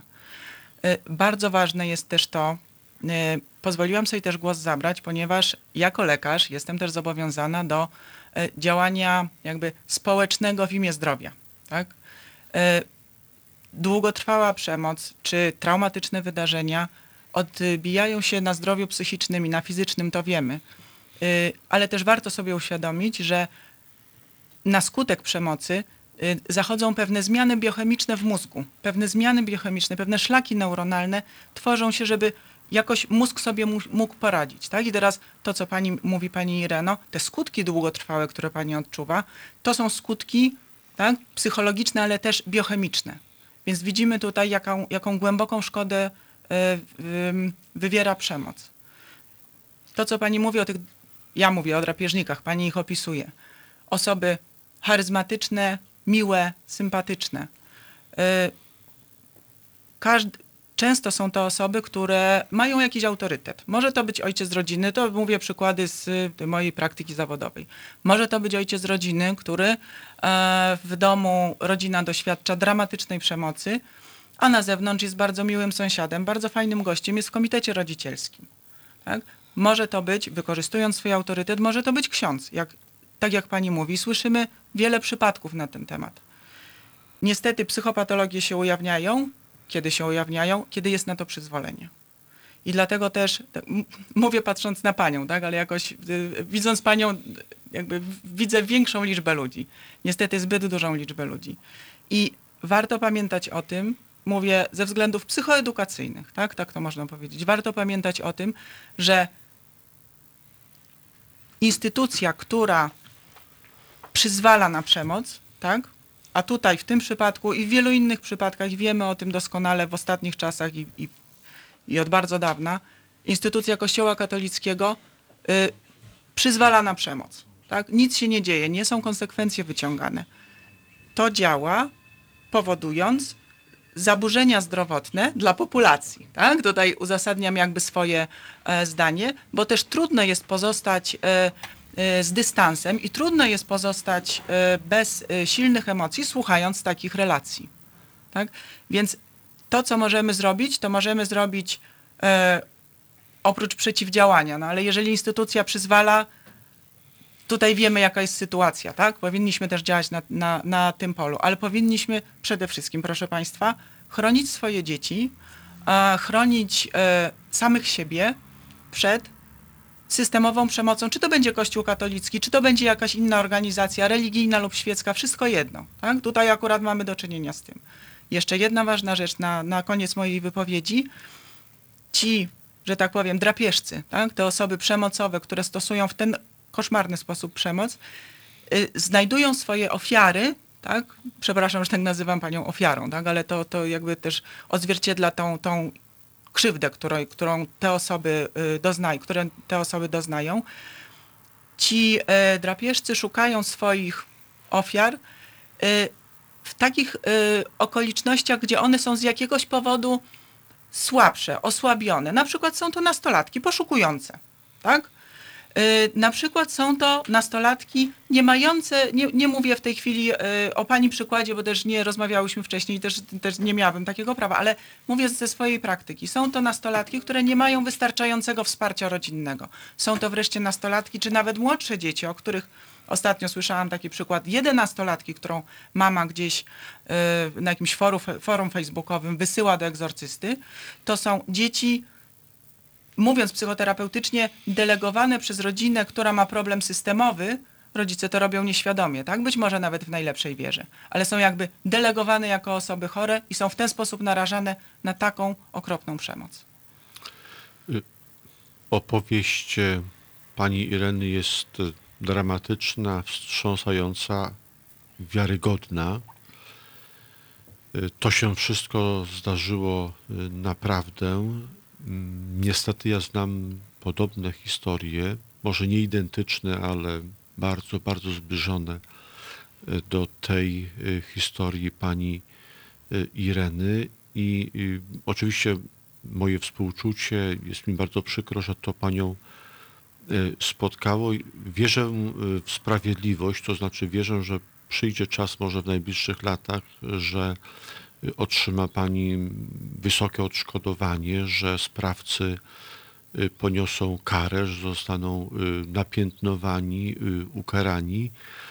Na razie jest to trudne, ponieważ jest w Polsce niezwykle niska świadomość tych problemów i być może dzisiaj nawet część słuchaczy, słuchając tej opowieści, no może powątpiewać, jak to możliwe, że w XXI wieku w środku Europy, y, w Warszawie czy niedaleko od Warszawy y, dzieją się takie rzeczy. Niestety dzieją się takie dramatyczne historie y, i w Polsce osób skrzywdzonych, tak jak pani Irena, uważam, że są setki, jeśli nie tysiące. Ja powiedziałem nie temu zjawisku kilkanaście lat temu, stając po stronie ofiar i badając to wszystko w naszym kraju czy w innych krajach, powiem odpowiedzialnie, mamy bardzo liczną y, grupę y, ofiar, niestety w Kościele katolickim, takich jak y, pani Irena. I ja w wielu tekstach porównuję tę grupę ofiar tych eksperymentów szamańskich do grupy ofiar nadużyć seksualnych. Y, Uważam, że można mówić o tych dwóch grupach. Z jednej strony będą ofiary mm, pedofilii, czy to w Kościele katolickim, czy w innych grupach zawodowych, i będą też ofiary nadużyć psychicznych, e, nadużyć religijnych. Taka ciekawostka, od ubiegłego roku we Francji jest specjalna komisja w Kościele katolickim, która bada nadużycia duchowe. To jest taka kategoria wprowadzona we Francji w ostatnim roku. Nadużycia duchowe, na przykład właśnie kompletnie niepotrzebne, idiotyczne jakieś właśnie chore egzorcyzmy, y, psychomanipulacja, y, nadużycie y, władzy religijnej. No to się wszystko może przydarzyć i w tym y, przypadku y, pani Ireny no, mamy happy end, to znaczy udało się wyjść y, pani y, z tej matni, natomiast y, uważam, że ciągle w Polsce będą setki, jeśli, jeśli nie tysiące osób, które są ciągle wewnątrz, to znaczy y, mamy osoby uzależnione emocjonalnie od tego rodzaju y, y, praktyk y, i bardzo często te osoby nie mają siły psychicznej, żeby e, wyjść i żeby odzyskać wolność. Natomiast to, co jest, e, e, myślę, najciekawsze, to jest próba zrozumienia tych zjawisk. Tutaj się pojawiło w opowieści pani Ireny wiele takich elementów, które są typowe dla tych zjawisk. Czy to będzie koncepcja furtek złego ducha, czy to będzie stosowanie soli egzorcyzmowanej, czy to będą pewne metody y, wykorzystywane, gdy chodzi o no, rzekome uwalnianie ludzi od złych duchów. No, to jest pewien standard, y, straszny standard, ale y, tego rodzaju metody niestety są stosowane w Polsce w wielu różnych miejscach. Często jest to trochę w podziemiu. Bardzo rzadko osoby mają odwagę taką, jak, jaką ma pani Irena, żeby o tym opowiadać publicznie. Natomiast y, y, owszem, z jednej strony to jest kwestia współczucia dla ofiar, y, odszkodowań, pomocy i takie osoby jak pani Irena powinny uzyskać odszkodowania i pomoc i od Kościoła, i od innych podmiotów społecznych. Ale jest też inne pytanie, no co się dzieje z naszym społeczeństwem, jak to możliwe, że na przestrzeni ostatnich kilkunastu lat pozwoliliśmy na to, żeby te dziwne, szkodliwe praktyki weszły kompletnie bezkarnie do Polski z innych kontynentów. No przecież tego nie było 20, 30, 40 lat temu. To są zupełnie nowe zjawiska i niestety mamy taką głęboką w naszym kraju znieczulicę społeczną, to znaczy e, jest łatwiej nie dowierzać takim opowieściom, jak to, co powiedziała pani Irena. Lepiej udawać, że nic się nie dzieje, bo to mnie nie dotyczy. Jeśli się tym zacznę zajmować, to może będę miał problemy. E, a po co sobie burzyć spokój, e, który mam w moim życiu? No, ta znieczulica społeczna jest po prostu okropna, ale jeśli się nie przebudzimy, to niestety osób y, skrzywdzonych będzie nam przybywać. To nie musi być znieczulica, to jest po prostu może być strach, lęk przed przeciwstawieniem się autorytetom, które w tej chwili już tak naprawdę od bardzo dawna y, w Polsce są autorytetami religijno-politycznymi. Y, też ksiądz mówi o takiej, takim zjawisku powrotu tych tych tortur, tak? No bo to jakby możemy to Szamańskich nazwać. praktyk. Szamańskich praktyk skutkujących y, y, stosowaniem tortur wobec y, ludzi bezbronnych, tak? Też w każdej religii, jakby obserwując religię, religioznawcy to zauważają, że w każdej religii tak naprawdę rytuał na jakimś poziomie, niech to będzie zupełnie drobny rytuał, niech to będzie uczestnictwo w, jakich, w jakiegoś rodzaju spotkaniach czy nabożeństwach, niech to wreszcie będą inne rytuały, rytuał jest tak naprawdę ważniejszy od zasad. Tak? No to widzimy na, na podstawie życia codziennego, tak, doniesień e, wielokrotnie. I to się właśnie dzieje, ten powrót tych rytuałów, które, którymi są te tortury, jakoś pokrywa się z powrotem religijności, o którym, o którym ksiądz wcześniej mówił. Ale ja powiem więcej, jeszcze może ostatnie zdanie, niestety, ale jest duże przyzwolenie społeczne dla tych szamańskich praktyk. Ja nie chcę się jakby tutaj skarżyć na mój los, ale jeśli kilkanaście lat temu sprzeciwiłem się temu e, w kościele katolickim, to spotkał mnie straszny hejt, nienawiść, wojna ze mną. To znaczy, czemu ja przeszkadzam w dobrych dziełach? To ja nie mam rzekomo y, y, wiary w Boga, to ja szkodzę ludziom, a nie ci, którzy właśnie czynią te szamańskie praktyki. W związku z tym mamy problem w Polsce i znieczulicy, i niewiedzy, i, i głupoty religijnej. No to wszystko sprawia, że mamy osoby krzywdzone, tak jak pani Irena i takim osobom jak pani Irena należy się współczucie, empatia, ale także odszkodowanie. Ja wierzę w to, że y, ofiary uzyskają w najbliższych latach potężne odszkodowania y, finansowe i że sprawcy poniosą karę. E, trzymam księdza za słowo. Ja myślę, że teraz słuchacze rozumieją, dlaczego e, zaprosiłem do studia dzisiaj i księdza, i psychiatrę. Księdza, jak słyszą Państwo, nietypowego. Księdza, który próbuje postawić to na nogi, oddać to, co się należy ludziom, którzy zostali skrzywdzeni i jakoś zracjonalizować tę całą sprawę. Ale to jest niestety bardzo rzadkie, więc tutaj no, pozostaje tylko wierzyć, że, że, że ten sposób myślenia się zacznie szerzyć, bo na razie to po prostu jednak i przyzwolenie społeczne, i polityka Kościoła jest taka, że trudno jak gdyby dojść sprawiedliwości. Ja wiem, że pani Irena za jej świadectwo bardzo pięknie dziękuję. Próbuje, ale jest to niesłychanie trudne i ta droga, no tak jak w przypadku ofiar pedofilii, będzie, no będzie bardzo wiele przeszkód po drodze i to mnóstwo osób o fanatycznym nastawieniu, e, no wręcz grozi pani Irenie. Dlatego dzisiaj nie chcieliśmy pokazywać jej twarzy.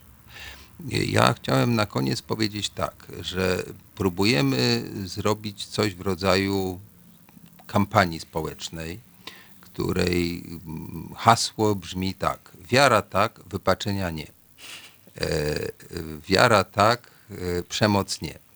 Ponieważ mamy prawo wierzyć lub nie wierzyć. Możemy być agnostykami, możemy być ateistami, możemy być katolikami.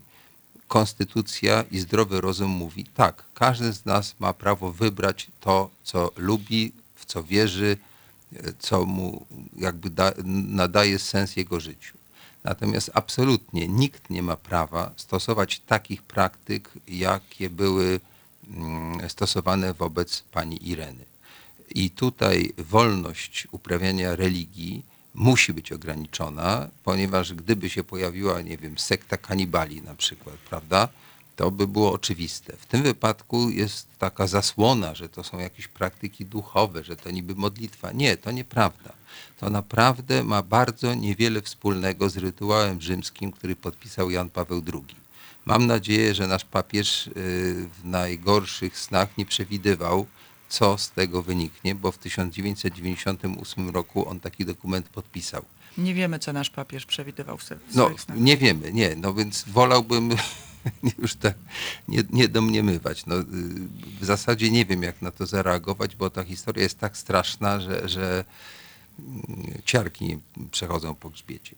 Proszę Państwa, próbuję ja jako scenarzysta, reżyser coś z tym zrobić. Kilka lat temu zrobiłem film, w którym takich przypadków jak przypadek pani Ireny było dużo więcej, a poznałem ich wręcz dziesiątki. Dlatego wierzę pani Irenie, bo to brzmi niemalże jak, jak ta opowieść amerykańska opowieści podręcznej, ale poznałem tych historii sporo i, i, i wiem, że to się naprawdę zdarza. Ja spróbowałem jeszcze na innym froncie, że tak powiem, próbowałem mm, zachęcić Ministerstwo Edukacji, żeby na przykład e, w szkołach nie można było stosować praktyki zmuszania uczennic do chodzenia na egzorcyzmy. To w Polsce jest stosowane. Niestety nikt w tej sprawie nic nie zrobił. E, Dzisiaj, mimo że jesteśmy w sytuacji dosyć trudnej politycznie, to jeśli będziemy występować w jakiś sposób solidarnie i ludzie, którzy znaleźli się w takiej sytuacji jak pani Irena, mogą się zgłaszać do Halo Radio. Myślę, że jak nas będzie więcej i zarówno, przepraszam, że tak powiem, ofiar, jak i takich ludzi jak y, pani doktor, czy ksiądz, który rozumie, że tu dokonano zbrodni tak naprawdę, że to jest coś, co wykracza poza wszelkie cywilizowane reguły. I namawiam Państwa, żebyśmy szerzyli tę informację dalej. Napisałem na ten temat książkę, nie dlatego, żeby ją reklamować, pokazuję, ale żeby pokazać, że ten temat jest dla mnie ważny. Ta książka nazywa się Zlecenie walka z szatanem i w niej opisałem te przypadki, których nie mogłem pokazać na ekranie, ponieważ mógłbym zrobić szkodę ludziom, nie bardzo chcieli, w niektórych przypadkach nie mogłem ich sfilmować. Takich przypadków jest dużo, dużo więcej. Dlatego namawiam wszystkich, żeby mówili sąsiadom, znajomym, słuchajcie, problemem, który dzisiaj przed nami stoi, jest nie tylko walka z pedofilią, ale także z takim sekciarskim podejściem do tak zwanych opętań i egzorcyzmów. Bardzo Państwu dziękuję za uwagę. Czekaj, Irena chce jeszcze. E, Pani Ireno, jeszcze chce Pani ostatnie słowo? Czyli chciałam tylko no, podziękować tak, że, że są osoby, które chcą coś z tym zrobić, bo no, dla mnie i nie tylko dla mnie, właśnie dla innych ofiar jest to szalenie ważne, bo mi się udało wyjść na swój sposób, jednak no wiem, że mnóstwo jest osób, którym się nie udało wyjść. E, Niektóre osoby obserwuję gdzieś tam na Facebooku, które są no, nie do odratowania, gdy same nie będą chciały y, wyjść z tego, ponieważ y, ja miałam do czynienia z innymi. To najczęściej też były właśnie młode dziewczyny. Y, Tylko, że oni mnie od nich odgradzali, nie mogłam z nimi rozmawiać za bardzo, bo mieli podejście, że duchy złe przejdą na mnie, a dzisiaj wiem, że po To jest prostu... właśnie racjonalizacja. Tak, a dzisiaj właśnie wiem, że po prostu chodziło, żebyśmy nie, nie rozmawiały między sobą. No, oni tam próbowali nas rozdzielać e, zawsze. I wiem, jak to jest trudne, żeby wyjść z tego, żeby zmienić nastawienie w głowie. No, przede wszystkim jest konieczna terapia. I ja mam właśnie apel do, do innych osób, żeby, żeby tego nie zostawiły tak. E, Ja mam też e, proces, który jest bardzo trudny, który jest moim zdaniem no już stracony, i, ale mm, no to tak jak ksiądz e, no, mówi, że, że, że trzeba walczyć, że trzeba walczyć o sprawiedliwość. Ja chcę namówić właśnie osoby, które które no nie mają odwagi mówić o tym, ale żeby też dla dobra innych coś, e, coś zrobiły i dla dobra swojego, żeby to w jakiś sposób ukrócić, e, żeby była jakaś kontrola tego nad tym, co się dzieje. No, u mnie nie było nigdy lekarza podczas tych sesji, nie, nie było prawdziwego jakiegoś psychiatry, psychologa. No, jedynie po pięciu miesiącach mnie ksiądz zaprowadził do swojego kolegi psy, psychologa, który potwierdził jego zdanie. Psychiatra czy psycholog, powinien Psycholog. w takiej sytuacji musiałby tylko i wyłącznie wezwać policję. Każdy psychiatra czy psycholog, który w takiej sytuacji tego nie robi, popełnia również przestępstwo. No to właśnie to mówię, no to wygląda jak taka szajka, no, która sobie tak coś robi. No i, e, i mówię, no ja będę ponosić tego szkody no, do końca życia, no oprócz tych właśnie psychicznych problemów. Ja mam uszkodzony kręgosłup, mam e, różne właśnie takie problemy zdrowotne, e, też spowodowane tą anemią mm, oraz właśnie tą siłą, co mi tam próbowano wykręcać, gniecenie mnie godzin, godzinami. E, No ale mówię o tym, no, gdyby nie to, że tak mało osób jest zdolna do tego, żeby mówić, no ja chodzę na terapię już, już kilka lat, więc no, mam poczucie takiej misji, żeby mówić o tym, żeby uświadomić osoby, żeby nie było więcej ofiar. I, i zachęcam właśnie wszystkich, żeby, żeby się jakoś, nie wiem, wziąć jakąś grupę, żeby spróbować to ukrócić, no i takie osoby właśnie pomocne, tak jak państwo, no, są bardzo potrzebne w tym, bo ludzie nie wiedzą, po prostu nie wiedzą, a niewiedza i milczenie niestety jest tylko korzyścią dla takich psychopatów i chorych ludzi psychicznie. No. Myślę, że bardziej zaburzonych niż chorych. Tutaj y, nie, nie stygmatyzując osób chorujących psychicznie, ale y, to z punktu widzenia lekarskiego, natomiast y, stopień zaburzenia, tak, tutaj nie rozmawiamy o psychopatologii właśnie tych osób, ale Mhm. stopień ich zaburzenia przy przyzwoleniu instytucjonalnym właśnie odnosi takie skutki. Ja pamiętam, kiedy sfilmowałem pierwszy egzorcyzm, czy pierwszych kilka egzorcyzmów, byłem tak zaszokowany. Ja tam nie ingerowałem, chociaż takie myśli mi przelatywały przez głowę, żeby wezwać policję, ale moja rola jako zaproszonego gościa, realizatora filmowego, no była taka, żebym złamał reguły gry, więc tego nie zrobiłem. Ale w tym szoku poszedłem do psychiatry, któremu mm, doktor, to była kobieta, e, której to pani doktor pokazałem te materiały, mm, 10 godzin. E, Tam były ek- sceny egzorcyzmu i wywiady z osobami, z takimi dziewczynami, bo to zwykle są takie dziewczyny 18 lat mające, tak, nie, wiem, 16, 19 to jest ten taki najtrudniejszy wiek. E, I ta pani doktor e, po pierwsze pokazała mi, uświadomiła, e, na co należy zwracać uwagę i mówiła o tym, że zaburzone są nie te osoby, które są egzorcyzmowane, tylko ci, którzy to robią. Także ta pierwsza wskazówka była dla mnie bardzo dramatyczna i pamiętam, że naprawdę dość długo nie mogłem się otrząsnąć. Proszę Państwa, y, ja czytałem wpisy internetowe. y, Odezwał się do mnie szef naszego radia i powiedział, że możemy przedłużyć tę audycję, dlatego że ona jest niesłychanie ważna i stało się tutaj coś takiego, że złamaliśmy wszystkie reguły gry. Nie ma muzyki, a rozmawiamy i w zasadzie trudno tę rozmowę przerwać. Nie możemy tego ciągnąć w nieskończoność, ale jeśli Państwo są rzeczywiście tym zainteresowani, prosimy do nas pisać. Macie zarówno adres mailowy Halo Radia, jak i można pisać też bezpośrednio do mnie na Halo Radio. I Jeśli będziecie chcieli, żebyśmy kontynuowali tę rozmowę, możemy zaprosić na przykład y, panią adwokat y, Bućko, która reprezentuje panią Irenę. E, I wtedy być może, bo ja sam nie wiem, czy można podawać nazwiska, czy nie, nie chcę przekroczyć tutaj jakichś y, reguł, które obowiązują w postępowaniu prawnym, e, możemy się być może dowiedzieć więcej. Są także inne osoby, które w zakresie egzorcyzmów, opętań mogą nam sporo powiedzieć, ponieważ Polska jest w tej chwili w Europie praktycznie jedynym miejscem, gdzie takie rzeczy się dzieją. Przyjeżdżają tutaj naukowcy e, z za, zagranicy, żeby to badać, antropologowie, żeby opisywać to zjawisko, ponieważ to jest szokujące, to jest zaskakujące, to jest niezwykłe. E, No, nie sądzę, że, że, żebyśmy mieli czym się chlubić, że staliśmy się taką atrakcją, ale rzeczywiście staliśmy się. Powstała książka w Niemczech e, na temat polskich egzorcyzmów, cały gruby tom.